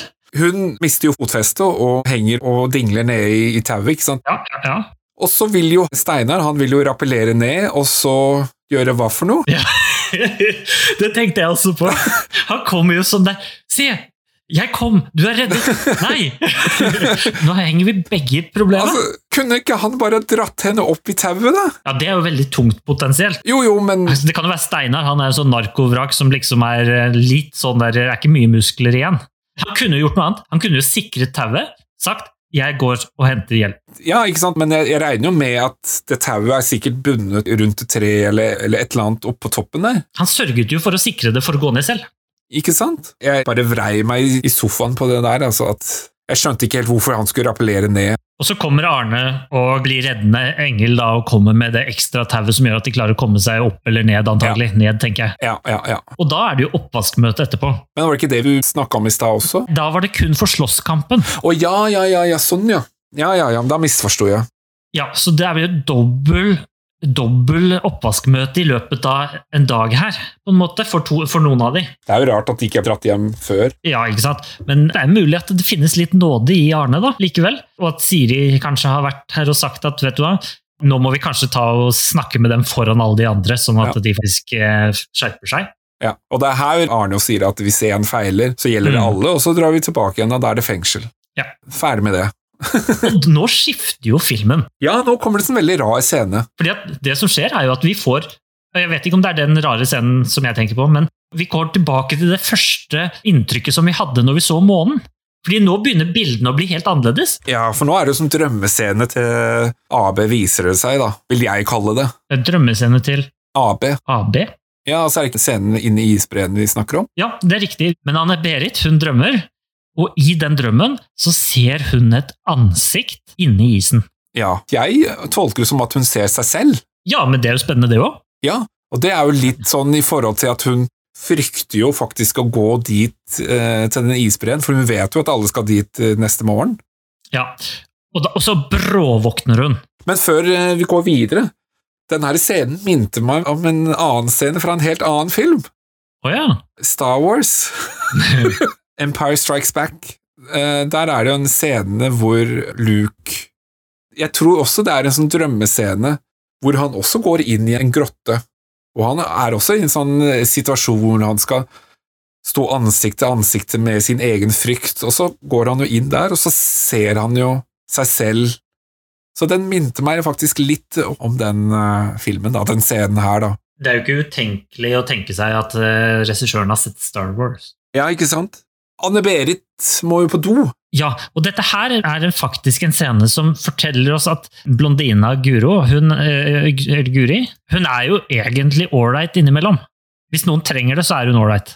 Altså, hvis noen vekker meg om natta liksom, og sier at du, jeg tør ikke å gå på do aleine, altså, Ja. jeg blir ikke så glad for det. Nei. Sant? Så det, det, det kan jo trigge hvem som helst. Men, men denne scenen syns jeg også er veldig rar. Altså, Anne-Berit våkner opp, hun må på do, og hvem er det hun vekker av de to jentene? Jo, den mest bitchy jenta som hun ikke kommer Ja. overens med. Hun kunne ha vekka hun andre, som var mye snillere og hyggeligere. Dette her er jo tingen at vi, vi vet jo ikke, fordi at alt, alt den tiden vi skal ha blitt kjent med disse personene, så har vi hørt Jonas Fjell synge. ja, ikke sant? Og her hadde de hatt en kjempemulighet til å gi Katrine mer skjermtid og dybde. Jeg bare mistenker at eh, ja, men vi trenger Guri ute ved doen, slik at hun kan føle medlidenhet og sympati. Men det er jo ikke sannsynlig at hun ville ha vekket Guri. Med mindre de har blitt bedre venner, da. Men de var jo ikke det for fem minutter siden. Eller i hvert fall tidligere i filmen, da. Det er ganske lenge siden de egentlig har snakket sammen i filmen. Er ikke det bare et par dager de har vært det? Det kan ha vært mange dager. De der montasjene de spiller jo over både tid og fjell, holdt jeg på å si. Da føler jeg ikke filmen viser at de på en måte er blitt perlevenner igjen. Nei da, nei da. Nei, det er klart, det gjør den jo i hvert fall ikke. Men, men de er jo ikke supergode venner heller. Altså, det, det, Nei, det er det jeg jo. mener. Ah, Hadde jeg våkna der, så ville jeg vekket hun, hun andre, selv om hun lå øverst. Altså. Og samtidig få en hyggelig sang med på kjøpet. Utfordringen her nå er jo det, at dette her er masse problem med den scenen. her, merker jeg. For at De går jo ut på do, og plutselig så henger det da denne ugle der opp med kniven til Steinar, og plutselig er alle der. ja, men er ikke det fordi Anne-Berit skreik så høyt? Jo, det kan godt være. Hvorfor tar alle sammen og går ut? eh, Ja, og så er det noen som ikke kommer ut. Det lyser forresten i hytta der også. Altså, det er et problem. Altså, det er midt på natta, dette her. Jeg tenker jo, ja, som du sier, hvis hun skrek og folk blir vekta av dette her, så vil jo kanskje Siri og Arne være de som kom ut, for det er jo de som er ansvarlig for dem. Ja, ikke sant? Og ingen, de kommer ikke ut. Nei, det gjør de Og jo ikke. ikke bestyreren. Nei. Så at de eneste som kommer, det er de andre som sover på andre rom. Det er kun de som er viktige for scenen, som kommer ut. Ja, ikke sant? Men kong Olav han henger i hvert fall på døra. Det er jo bra. Gjør han det, ja? Det Ja, la ikke jeg merke til. Det er Altså. jo utedo, tross alt. Det var bra at ikke kniven satt i det bildet, da. Men her, ikke sant? her er det jo da en ugle. Det eneste vi får vite om denne saken på dette tidspunktet, det er jo det at eh, Steinar sier at eh, det er min kniv, men det er ikke jeg som gjorde det. Og vi ser ikke hva som skjer, vi ser ikke hvordan de får sove, vi ser ikke hvordan hun får roet seg ned, vi, vi får, får ikke se noen ting. Nei. Vi vil bare se at neste dag så er de på tur oppe i isbreen. Men det er jo faktisk et poeng eh, som kommer fram i den scenen, det er at Steinar sier 'ikke si dette til noen andre'. Så det har de i hvert fall fått med at De sier det i hvert fall ikke til Siri og Arne, for da blir de jo sendt hjem alle sammen. Ja da. Og så er jo hun Guri, hun trøster jo Ja. Anne-Berit lite grann. Hun er plutselig blitt veldig sympatisk. Ja, hun har jo blitt verdens beste. BFF, ikke sant? Ja, det, det, det er, jeg har problemer med det. ja, ja. ja. Men, uh, ny, de er nå i fjellet. ja, ny filmmontasje. Ny sang. Ja. Og da går de på tur i fjellet. Og nå skal de gå på den isbreen som de har trent på og samarbeider for å kunne gå på den turen. Og når de går på denne turen, så ser de plutselig en åpning inn i isfjellet. Ja. Altså inn, inn i isbreen. Og det er jo sånn superkul ting, fordi da kan du se sånne isformasjoner. Det er på en måte å være midt inni en svær elv, da, på mange måter, som er fryst. sånn at det er masse spesielle krystaller og isformasjoner. Ja, ja. Og det er veldig spennende. Og det sier jo også Arne at uh, dette her er en opplevelse som de kanskje bare får én gang i livet. Ja, og Det får han helt sikkert rett i også, tenker jeg. Ja, og han kaster jo all fornuft over bord og sier at alle skal inn. Ja. Han tenker ikke noe på at her burde vi ha en på utsiden og passe på. Og at det egentlig er sikkert der inne i det hele tatt. Nei da, alle skal inn. Man tenker jo det at de idet de går inn, har på tau. Ja. Men når de er der inne, så er det ingen som har på tau. Nei, Så det tauet bare blir borte. plutselig. Ja. Men Siri liker jo ikke dette, så hun forsvinner jo ut ganske raskt. ja da. Og det, og det her har jeg mer problemer. Fordi dette tauet, som da ikke eksisterer, Ja, Som plutselig er utenfor. ja, ikke sant? som da Siri sitter med på utsiden Det kan godt være at noen av de faktisk er bundet sammen, men man kan ikke se at de er bundet sammen når de står der inne. I hvert fall ikke alle sammen er bundet sammen. Og da sier han å ja, men hvis vi skal gå videre inn, da må vi ha det lange tauet. altså, ja. Så da må han gå ut, og plutselig da er det ingen ledere der inne i det hele tatt. Bare disse her. Og da er plutselig Anne-Berit blitt superutforskende på liksom skumle ting som hun Ja. tidligere ikke har tørt. Hun har ikke turt ikke å skli ned litt grann snø engang. Hun er blitt helt betatt av den der uh, isbreen, og det kan jeg for så vidt godt forstå at man kan bli litt wow, hva er dette for noe, men, men ja, hun er jo helt annerledes nå. Ja, Hun har jo sagt så mange ganger at hun er livredd for å bli forlatt der inne. Ja, ja, ikke sant? Det henger ikke på greip. Nei, det gjør ikke det. Og nå stikker hun inn, og da skjer det som ikke skulle skjedd. Hele isbreen kollapser. Men det er en sånn artig eh, kommentar før, altså når han eh, Arne er ute og snakker med Siri. For da er jo hun veldig sånn forsiktig og rasjonell. La oss komme ut alle sammen, sier hun, og så kommer han med den der kjempekommentaren. Ungene har det flott, dem, og nå som det går så fint, så vil du ha, ha alle sammen ut igjen! Mm. han er jo god på å levere disse replikkene. Ja, ja, han er god på replikker. Men ja, tilbake til raset. For det er, jo, det er jo nå filmen faktisk er spennende. Ja, for nå deler jo egentlig gruppen litt i to. Altså, vent litt. Anne-Berit forsvinner jo inn i den sprekken, og Steinar følger med etter. Det var det jeg trodde. Og så raser det sammen, eller Ja, og nå så blir de alle sammen litt grann fordelt. Ja. Og så samler de seg etter hvert. Ved at de finner hverandre litt. Ja, fordi Jo, Steinar og, og Anne-Berit er jo der inne, og Haidar han får jo klemt seg gjennom og, og får ut Anne-Berit, og der snakker Haidar og Steinar sammen, og han drar jo fram den kniven for å skjære opp eh, tau eller et eller annet. Ja, for nå har de tau. Jeg vet ikke om det er tau, men han bruker i hvert fall kniven. Den kniven Ja. som vi snakka om tidligere. Og der sier jo Steinar 'din afghaner'. Og det er jo egentlig litt viktig, fordi da viser han jo egentlig litt respekt for Haidar. Ja, han, har, han har hørt på han. Du er ikke pakistaner. Nå omtaler jeg deg, eller refererer jeg til deg som den du er. Og det er jo egentlig en fin scene, da. Jeg bruker ikke først og fremst kniven for å sørge for at han eh, Arne skal kunne ligge i et eller annet. Det kan godt hende, men jeg vet hvert at han drar fram den kniven for å få Steinar ut. Men etter hvert så kommer jo alle sammen ut, og de Ja, ja da, og de samles jo etter hvert. Ja, men først her, så altså, Hva tenker du med ut? De, Nei, altså, ikke ut, ikke, ut, ikke ut, men de kommer da ut av den, eh, det rasområdet, da. Ja, inni et sånt De kommer inn i et, Et, et rom. et større rom inni isbreen. Ja. Ja. Ja, men de kan ikke se ut. Nei, nei, nei, nei, nei, men jeg, jeg bare refererte ut fra der hvor uh, Anne-Berit snek seg inn. Ja, ok, det skjønner jeg. Og så GT driver og snakker om at han klarte å finne han ene duden. Ja. Stemmer det? Terje var det han som hang opp ned et sted? ja, han sånn. hang opp ned, ja.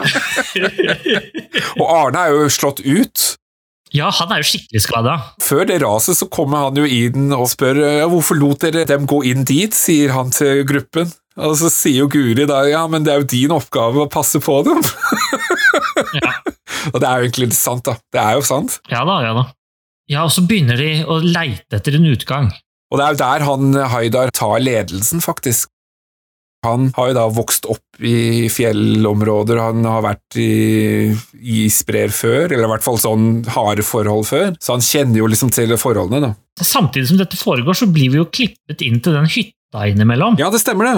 Dagny. Ja, og Dagny holder ikke hun en død ugle på det tidspunktet, altså den ugla? Jo, det stemmer det. Mens de er i isbreen, så, så er jo hun ved traktoren eller gjør et eller annet sånn gårdsarbeid, og så kommer jo hunden med, med den her døde uglen. Og så tar hun den her uglen opp, og så skjønner hun et eller annet, og jeg skjønner ikke hva hun oppdager der. Altså, Hvis det hadde vært hennes barn, ville ikke hun blitt veldig trist. Jo, men hun er jo ikke trist. Nei. Hun, hun er mer sånn Å ja, nå skjønner jeg hva som kommer til å skje med de andre i isbreen. Ja, kanskje det. Men jeg skjønner ikke helt hvordan skulle hun vite hva som Er det Terje hun har avslørt? Jeg veit ikke. Jeg, Eh, Det er veldig rar og mystisk på det området der, altså. ja. Eh, En ting som vi liksom har hoppa litt over her nå, da, det er jo at Siri var jo på utsiden av raset. Stemmer, så hun klarer å komme seg ut, men hun er åpenbart forslått, og, og klarer å trekke seg, virker det som, ned til hovedveien. Så det har nok tatt litt tid. Eh, En dag eller vel så det, sikkert. ja, jeg vil tro det. Men hun klarer å komme seg til da hytta. Før det så er jo Dagny hjemme i hytta og bestemmer seg for å gå ut og lete. Ja, fordi at de har ikke kommet tilbake, tenker jeg, til en angitt tid. Så plutselig er det et helikopter i spill. Men er det ikke Dagny som flyr helikopteret? Er det det? Nei. Ja, kanskje det. Kanskje hun har helikoptersertifikat? Jeg vet ikke, altså det er opp... Siri sitter jo på helikopteret i hvert fall. Ja, hun er jo med. Er det Dagny som flyr? Nei, det er kanskje ikke det. Altså, det problemet er at når jeg ser den scenen, så er det en person inne i helikopteret fra før av, og så går de Ja, ja. inn i helikopteret.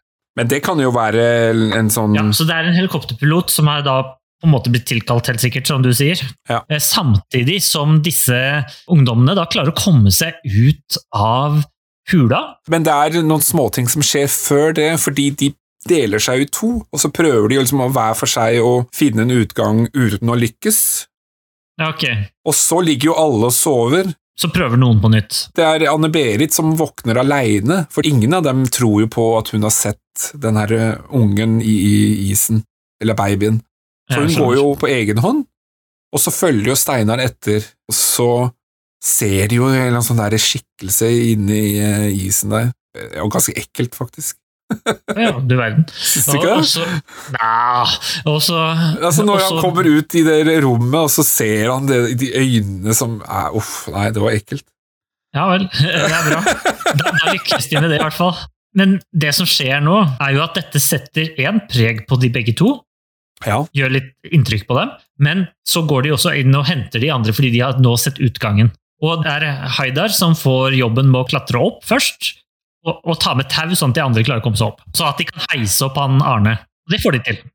Men Steinar han kommer jo ikke helt opp. Han vil jo gjerne få ut den jenta, eller den skikkelsen som er fryst fast. Ja, For nå har han blitt kjempeinteressert i den, av en av merkelig grunn som ikke vi fikk vite. Det er kanskje litt sånn rart, hvorfor skal han gjøre det? Altså, De kunne jo kommet tilbake en annen dag og gjort det. Men han bestemmer seg i hvert fall for å forsøke å få ut den, og så raser jo hele isbreen sammen igjen. Ja, og tar med seg han ned i dypet. Eh, Og de andre blir redda. Ja, og så klipper vi jo egentlig fort over til en begravelsesscene. Ja, og der så tenkte jeg at akkurat nå, i denne siste scenen, så er det to muligheter. Ja. Det ene er at dette er begravelsen til Steinar. Ja. Det andre er at det er begravelsen til den ungen som de så inn i isen. Jeg tenkte akkurat det samme, men jeg Jeg regna med at det var Steinar. Ja, du tenkte at det var Steinar som skulle begraves? Ja, ja. Jeg tenkte liksom ja, ok, dette her er sånn twist, mm, det, det er nok ungen som de har klart å få opp, og så, ja. Og det var det jo. Så jeg ble ikke noe Er du, spesielt over... at, er, er du sikker på at det var ungen? Ja, hvem skulle det ellers være? Steinar står jo der. Hvor i all verden er Steinar? Steinar er jo den siste personen kameraet panorerer til. Vel, selvfølgelig, der står den jo! Herlighet, det gir jo mening. Men da ga det jo mening. Ja, Okay. Oh, ja, Ja, så, men det var fint. så du har sett en annen film enn jeg? Nei, jeg har sett akkurat den samme filmen. Bare med å blunka i siste scenen der. Sånn filmatisk sett så, så gjør det jo på en måte noe interessant, fordi Her er det en ny scene som er sånn kjemperolig i forhold til Ja. de dramatiske scenene i isbreen.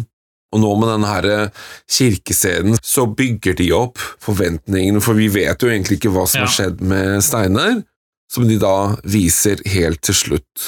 Og da skjønner Ja. man at han har overlevd. Ja, det, selvfølgelig har han gjort det. Men det gjør jo at bare at jeg synes at den slutten er enda dårligere. Jaha? Hvorfor i all verden skulle han overleve det der? Ja, de overlevde jo sist, da. Jo da, men altså, det var jo mye verre nå. Altså, han Ja. forsvant jo nede i isødet der. Ja, ja. Eh, Og masse is over bare seg. Det er jo det jeg forventa. Jeg forventa jo at Å, lykkelig slutt, liksom. Ja. Så blunka jeg på feil tidspunkt, og så så jeg ikke at han var der. Så tenkte jeg, å, så bra at de lot han dø på slutten. Ja, Du tenkte at det var liksom mer realistisk? Ja, egentlig. Ja. Det var en som forsvant oppå fjellet der. Så var det ikke det likevel. Det var litt synd, syns jeg nå. Jeg Nå ble jeg faktisk litt skuffa over at den, jeg syns slutten faktisk er dårligere enn det den Ja, det, ja, det er en sånn der eh, feel good-film, altså happy ending. Det er det. Ja, Og jeg, jeg er enig i deg at det, man, det kunne kanskje vært litt mer realistisk. De mista faktisk igjen. ja. Jeg trodde faktisk slutten var ganske bra. Altså, Jeg tenkte jo på det her, at her var det de to mulighetene, og så tenkte jeg at det som hadde vært best nå, ville vært om han døde. Det ville vært mer, langt mer emosjonelt, helt klart. Noe av det filmen prøver å få fram, da, tenker jeg, er jo at alt har konsekvenser. Og det å gi en eh, tragisk slutt vil jo også fremheve alvoret i det filmen prøver å si. Men det er jo ikke akkurat det som skjer, da. Ja, Nå har alle det bra. Det var jo bare den der som åpenbart dokka som var død inni, inni isen, liksom. Altså, det er åpenbart. Ja, Ugla døde, da. Jo, det gjorde den for lenge siden. Altså, ah, skulle den ugla hatt noe symbolverdi overfor de ungdommene, så kunne det i hvert fall vært at en av de døde også. Jeg er enig i at eh, det hadde vært en bedre slutt hvis han døde. Det har vært mye mer trist, ja, men, men en bedre slutt. Mm. Og kanskje de kunne liksom ha vikla litt mer inn i den her eh, med byttinger og liksom ja, Er det liksom det ene, eller er det det andre? Laga noe twist der, da, i forhold til slutten. Jeg så, ja, jeg så for meg at det der raset der var såpass drøyt at her ville det være åpenbart at du måtte være raskt ute hvis du skulle redde han. Mm. Og det er riktignok de har en helikopterpilot, og så har de én skada mann og én skada dame. En gammel dame og noen ungdommer som nettopp har fryst kjempelenge i en traumatisk situasjon. Ja. Eh, At de plutselig skulle gjennomføre en kjemperedningsaksjon mot en som antakeligvis er kritisk skada nedi der. Aldri i verden. Men da er vel filmen slutt? Da er det bare rulleteksten igjen, Hvor vi får vite at det er i Lom, og sjåk. så det er jo bra. Det er jo fint. Ja. Jeg vil si en ting til også, om, som jeg leste i denne artikkelen eh, om byttinger. Ja. Eh, hvor han, han som skriver denne, driver og funderer litt på det vi har fundert på også, gjennom denne analysen her. at Hvorfor i all verden får vi ikke høre alles fortelling? Hvor de kommer fra? Måte, hvorfor er de der? Egentlig, Det eneste vi får vite, er at de er der for å slippe unna fengsel. Vi har egentlig ikke fått vite hvem er det som har gjort noe narkotika her, er det, er det noen som er prostituerte, altså hva er det som de holder på med? Hvorfor er de på den hytta? Hvorfor er de der? Og grunnen til det, tenker de, er at kanskje det er fordi at alle sammen har den samme fortellingen. Det blir jo ikke en personlig fortelling, da. Nei, men det er det det ikke er. Jeg føler ikke at det er noe personlig i dette her. Det, altså, filmen dreier seg om denne gruppen som skal lære å samarbeide, og det får de til. Og alle overlever. Ja, det er jo fint. Bra. Ja, men, men, Ja. men så, så, så sånn sett har de jo fått fram det poenget. Ja, men jeg sitter igjen med en tomhet, da, på en måte at det er, liksom, det er en mangel på utdypning. Jeg skulle gjerne blitt kjent med, med eh, Haidar, og hvem i all verden er denne Guri egentlig? Når det er snakk om penger og dop for disse seksuelle forholdene, og så sier hun ja, hun hadde et vanlig forhold, og så begynte hun å gråte. Hva, hva, hva betyr det? Altså, jeg aner ikke. Og, og, og disse her, eh, sånn som Katrine og eh, Terje, får vi jo knapt nok vite noen ting om. Terje er jo litt med, men Det eneste vi får vite av han, er at han drar av huet på dokker. ja, og at han dreper ugler. Ja, ja, det er sant. Nei, det er eh, Jeg er enig i det at dette kunne vært en mer sånn personstudie av Fordi- hver enkelt karakter. Fordi at Det jeg føler at vi sitter igjen med, er at vi har en slags dokumentarfilm. og Montasjer er veldig vanlige i dokumentarfilmer, i hvert fall en del av de. I hvert fall sånne naturdokumentarer og sånn. At dette her sitter igjen litt grann av en sånn naturfilm. og så Vi har 50% naturfilm, og så har vi 50% ungdomsfilm. Eller vi har 25% ungdomsfilm, og så har vi 25% drama, på en måte, eller actionfilm. Det er jo egentlig de siste 15 minuttene det faktisk skjer ting. Ja, som gjør at vi får noe ut av den der samtalen om denne byttinger og sånn. Jeg skjønner at folk blir grepet av denne filmen når de så den på kino. Det er ikke sikkert de gjorde det heller. Det er ikke sikkert, men noen må jo ha gjort det, mener jeg. Altså, vi har jo fått nok av henvisninger til filmen, på en måte, så vi kjenner jo til at noen mener noe om filmen. Ja. Men altså, Nå har vi sittet her og dissa litt filmen, men jeg syns jo også det er noen artige ting med filmen. Ja da, ja da. Jeg syns den har noen komiske replikker, altså for eksempel han her eh, Bjarte Hjelmeland som, når det, den slåsskampen. Så skriker han jo ut liksom eh, 'dra an ballene' eller et eller annet sånt. den er en artig greie for det det er, men ja, kun, det kunne gjort ting annerledes. Helt klart. For, for eksempel han her Arne, altså, jeg syns jo egentlig han var en interessant karakter. Jeg vil gjerne vite hvorfor er han sånn som han er. Han kunne vært eh, fremstilt mer kompleks, men ja ja, man kan sitte og drømme. Det er jo ting her som er veldig bra, eh, altså veldig fint. Vi får noen veldig vakre bilder av forskjellig norsk natur. Vi får en følelse av at vi er i, er i egentlig et sånt i et sånt paradisområde, nærmest, av et norsk fjellområde. Det er veldig fint. Og vi får også innblikk i at disse personene forbedrer sin væremåte. Ja da, det er jo en karakterutvikling, spesielt hos Steinar. Og Steinar blir jo, et, kan vi anta, da, et godt menneske. Kanskje i Byttinger 2 så er det han som er sosialarbeideren? Ja, ikke sant? Vi, vi, kan i hvert fall anta at han har en viss progresjon i sin medlidenhet, og det samme har jo Guro, Guri har jo også det som det vises. Og jeg vil tro også at de andre vil ha litt av det samme pga. opplevelsene de hadde på slutten der. Mm. Og at de da sammen Det er jo en grunn til at vi ser de i begravelsen. ikke sant? Det må jo ha noe med saken å gjøre, tenker jeg. Og så merker jeg også at filmen sliter litt med å bestemme hva, hva slags sjanger den er. Altså, du nevnte jo litt med det at regissøren har jobba mye med dokumentar, og man ser jo dokumentarvirkemidler, sånn som disse her filmmontasjene. Filmen er jo et drama, men i starten så følte jeg nesten at uh, dette kunne vært en skrekkfilm, hvis den bare mm. tok steget og gjorde det fullt ut. Så den sliter litt med å finne identiteten til filmen? Ja, den sliter litt med å bli enig med seg sjøl om hva den er. Generelt i hele filmen får vi jo massevis av fragmenter av forskjellige hint til mye, men vi får aldri liksom fasit.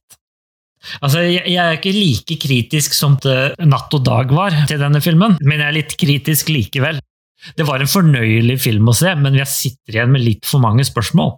Ja, det er for mange løse tråder, spesielt det der med, med hun Dagny, ja. som jeg bare følte ble en sånn karakter som prøvde å være en del av filmen, men ikke riktig var det likevel. Det virker som at han ønsker å lage en dokumentarfilm om disse ungdommene, for å gjøre det til å bli faktisk en fiksjonell film, fordi at det, det ikke skal være virkeligheten, så, så, må han ha en ekstra konflikt. Og den konflikten er liksom denne overnaturlige konflikten med da disse byttingene, som da helt åpenbart er sentrale, siden tittelen på filmen er 'Byttinger'. Jeg har tidligere sagt at norsk film snudde skikkelig i 95, og vi er kanskje ikke helt der enda.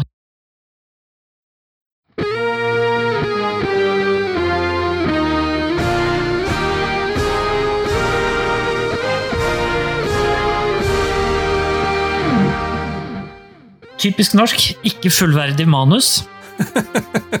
Gir ikke dybde til karakterer. Det er i hvert fall typisk 70-80-tallet. ja. Det som jeg tenker på som var typisk norsk her, er jo, er jo naturen.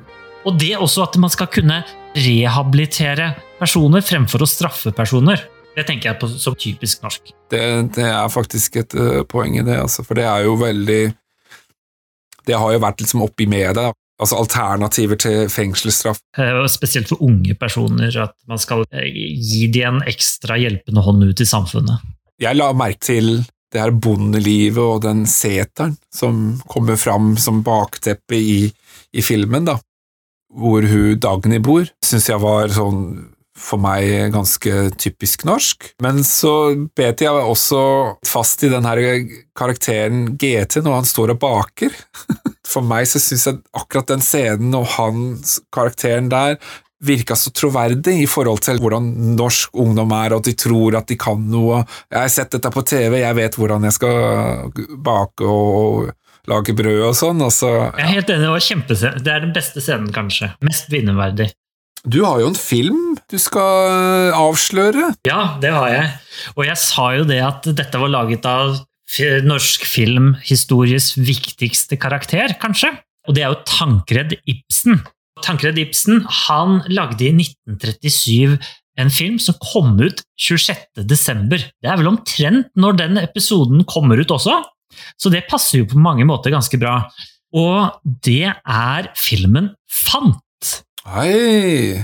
Og dette her, filmen fant, den er, der har vi hovedskuespilleren Alfred Maurstad, som er far til Torvald Maurstad, som spiller, om jeg ikke husker helt feil, sin første rolle i denne filmen. Han er kjempeliten, han er en liten gutt der. Det er veldig morsomt. Det er mulig jeg husker feil her, men Fant, er det en roman av Knut Hamsun? Det er en roman av en kar som heter eh, Gabriel Scott. Ok, så da er det ikke Hamsun. jeg, jeg er ikke så veldig sterk på Hamsun. Hva handler den om? Den handler da om Fendrik. Han har et godt øye til da en foreldreløs jente som heter Josefa, som rømmer da fra sin slemme onkel. Og dette foregår på Sørlandet, og det er litt båt, og det er litt sjø, og det er litt fint. Og det er sort-hvitt. Og dette her er sort-hvitt. dette er riktig, riktig fint. Og jeg har sett denne filmen på Nasjonalbiblioteket i restaurert utgave. Så håper jeg klarer å finne den. Men jeg tror den kan leies av Nasjonalbiblioteket. Jeg merker at dette her blir en veldig annerledes film å se, så jeg gleder meg, jeg. Ja, Den kommer jo ut da søndag 27. november. Så det er bare Ja. å eh, lade opp og se den filmen eh, til neste gang. det er best. Ja, det må vi gjøre. Ja. Hvem tror du er uglen? Stikk inn på Facebook og kom med ditt forslag på hvem det kan være, eller kom med dine kommentarer om filmen. Kanskje du ønsker å gi Byttinger litt ros? Ja, Siden vi var litt ekstra negative, hva var det som gjorde at du likte Byttinger? Det vil vi vite. ja. Skriv, eh, skriv til oss. Vi har også en Instagram-konto som eh, vi legger ut eh, bakomstoff og litt tips til fredagsfilmer og diverse annen artige historier. Ja, og Hvis dere følger oss på Instagram, så blir det også innimellom lagt ut daglige stories som du kan følge i løpet av 24 timer, men da må du nesten følge oss for å se de, og da får du litt ekstra ekstra bakomstoff, så det kan være litt spennende. Til slutt vil jeg bare minne om at vi er på Spotify og Apple og Google, eller den plattformen som du vanligvis hører podkast på. Og så har vi også en hjemmeside som heter norskfilmr.no. Der kan du få alle episodene. Gratis, selvfølgelig. Ingen reklame hos oss. Yes. Da sier vi bare ha det bra. Ha det bra.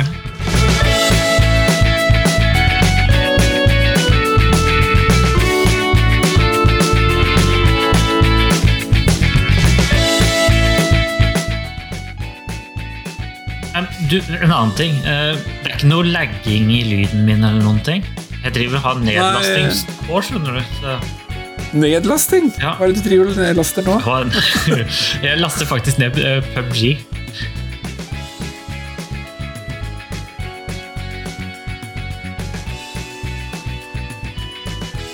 Kjære venner, hva var det jeg skulle si? Eh, jeg hadde en eller annen link. Jeg har glemt hva linken var. Abraham Lincoln. Ja, det var det det var. Det var, eh, det var Abraham Lincoln som spilte hovedrollen i Silence of the Lamb. Ja. Jeg-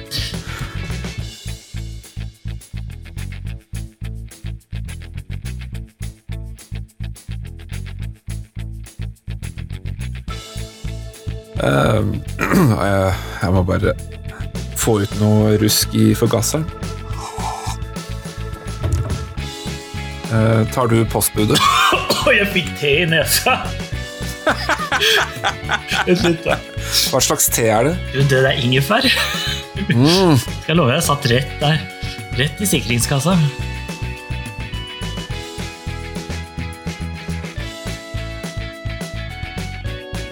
Alle burde ha en Reodor i sin familie.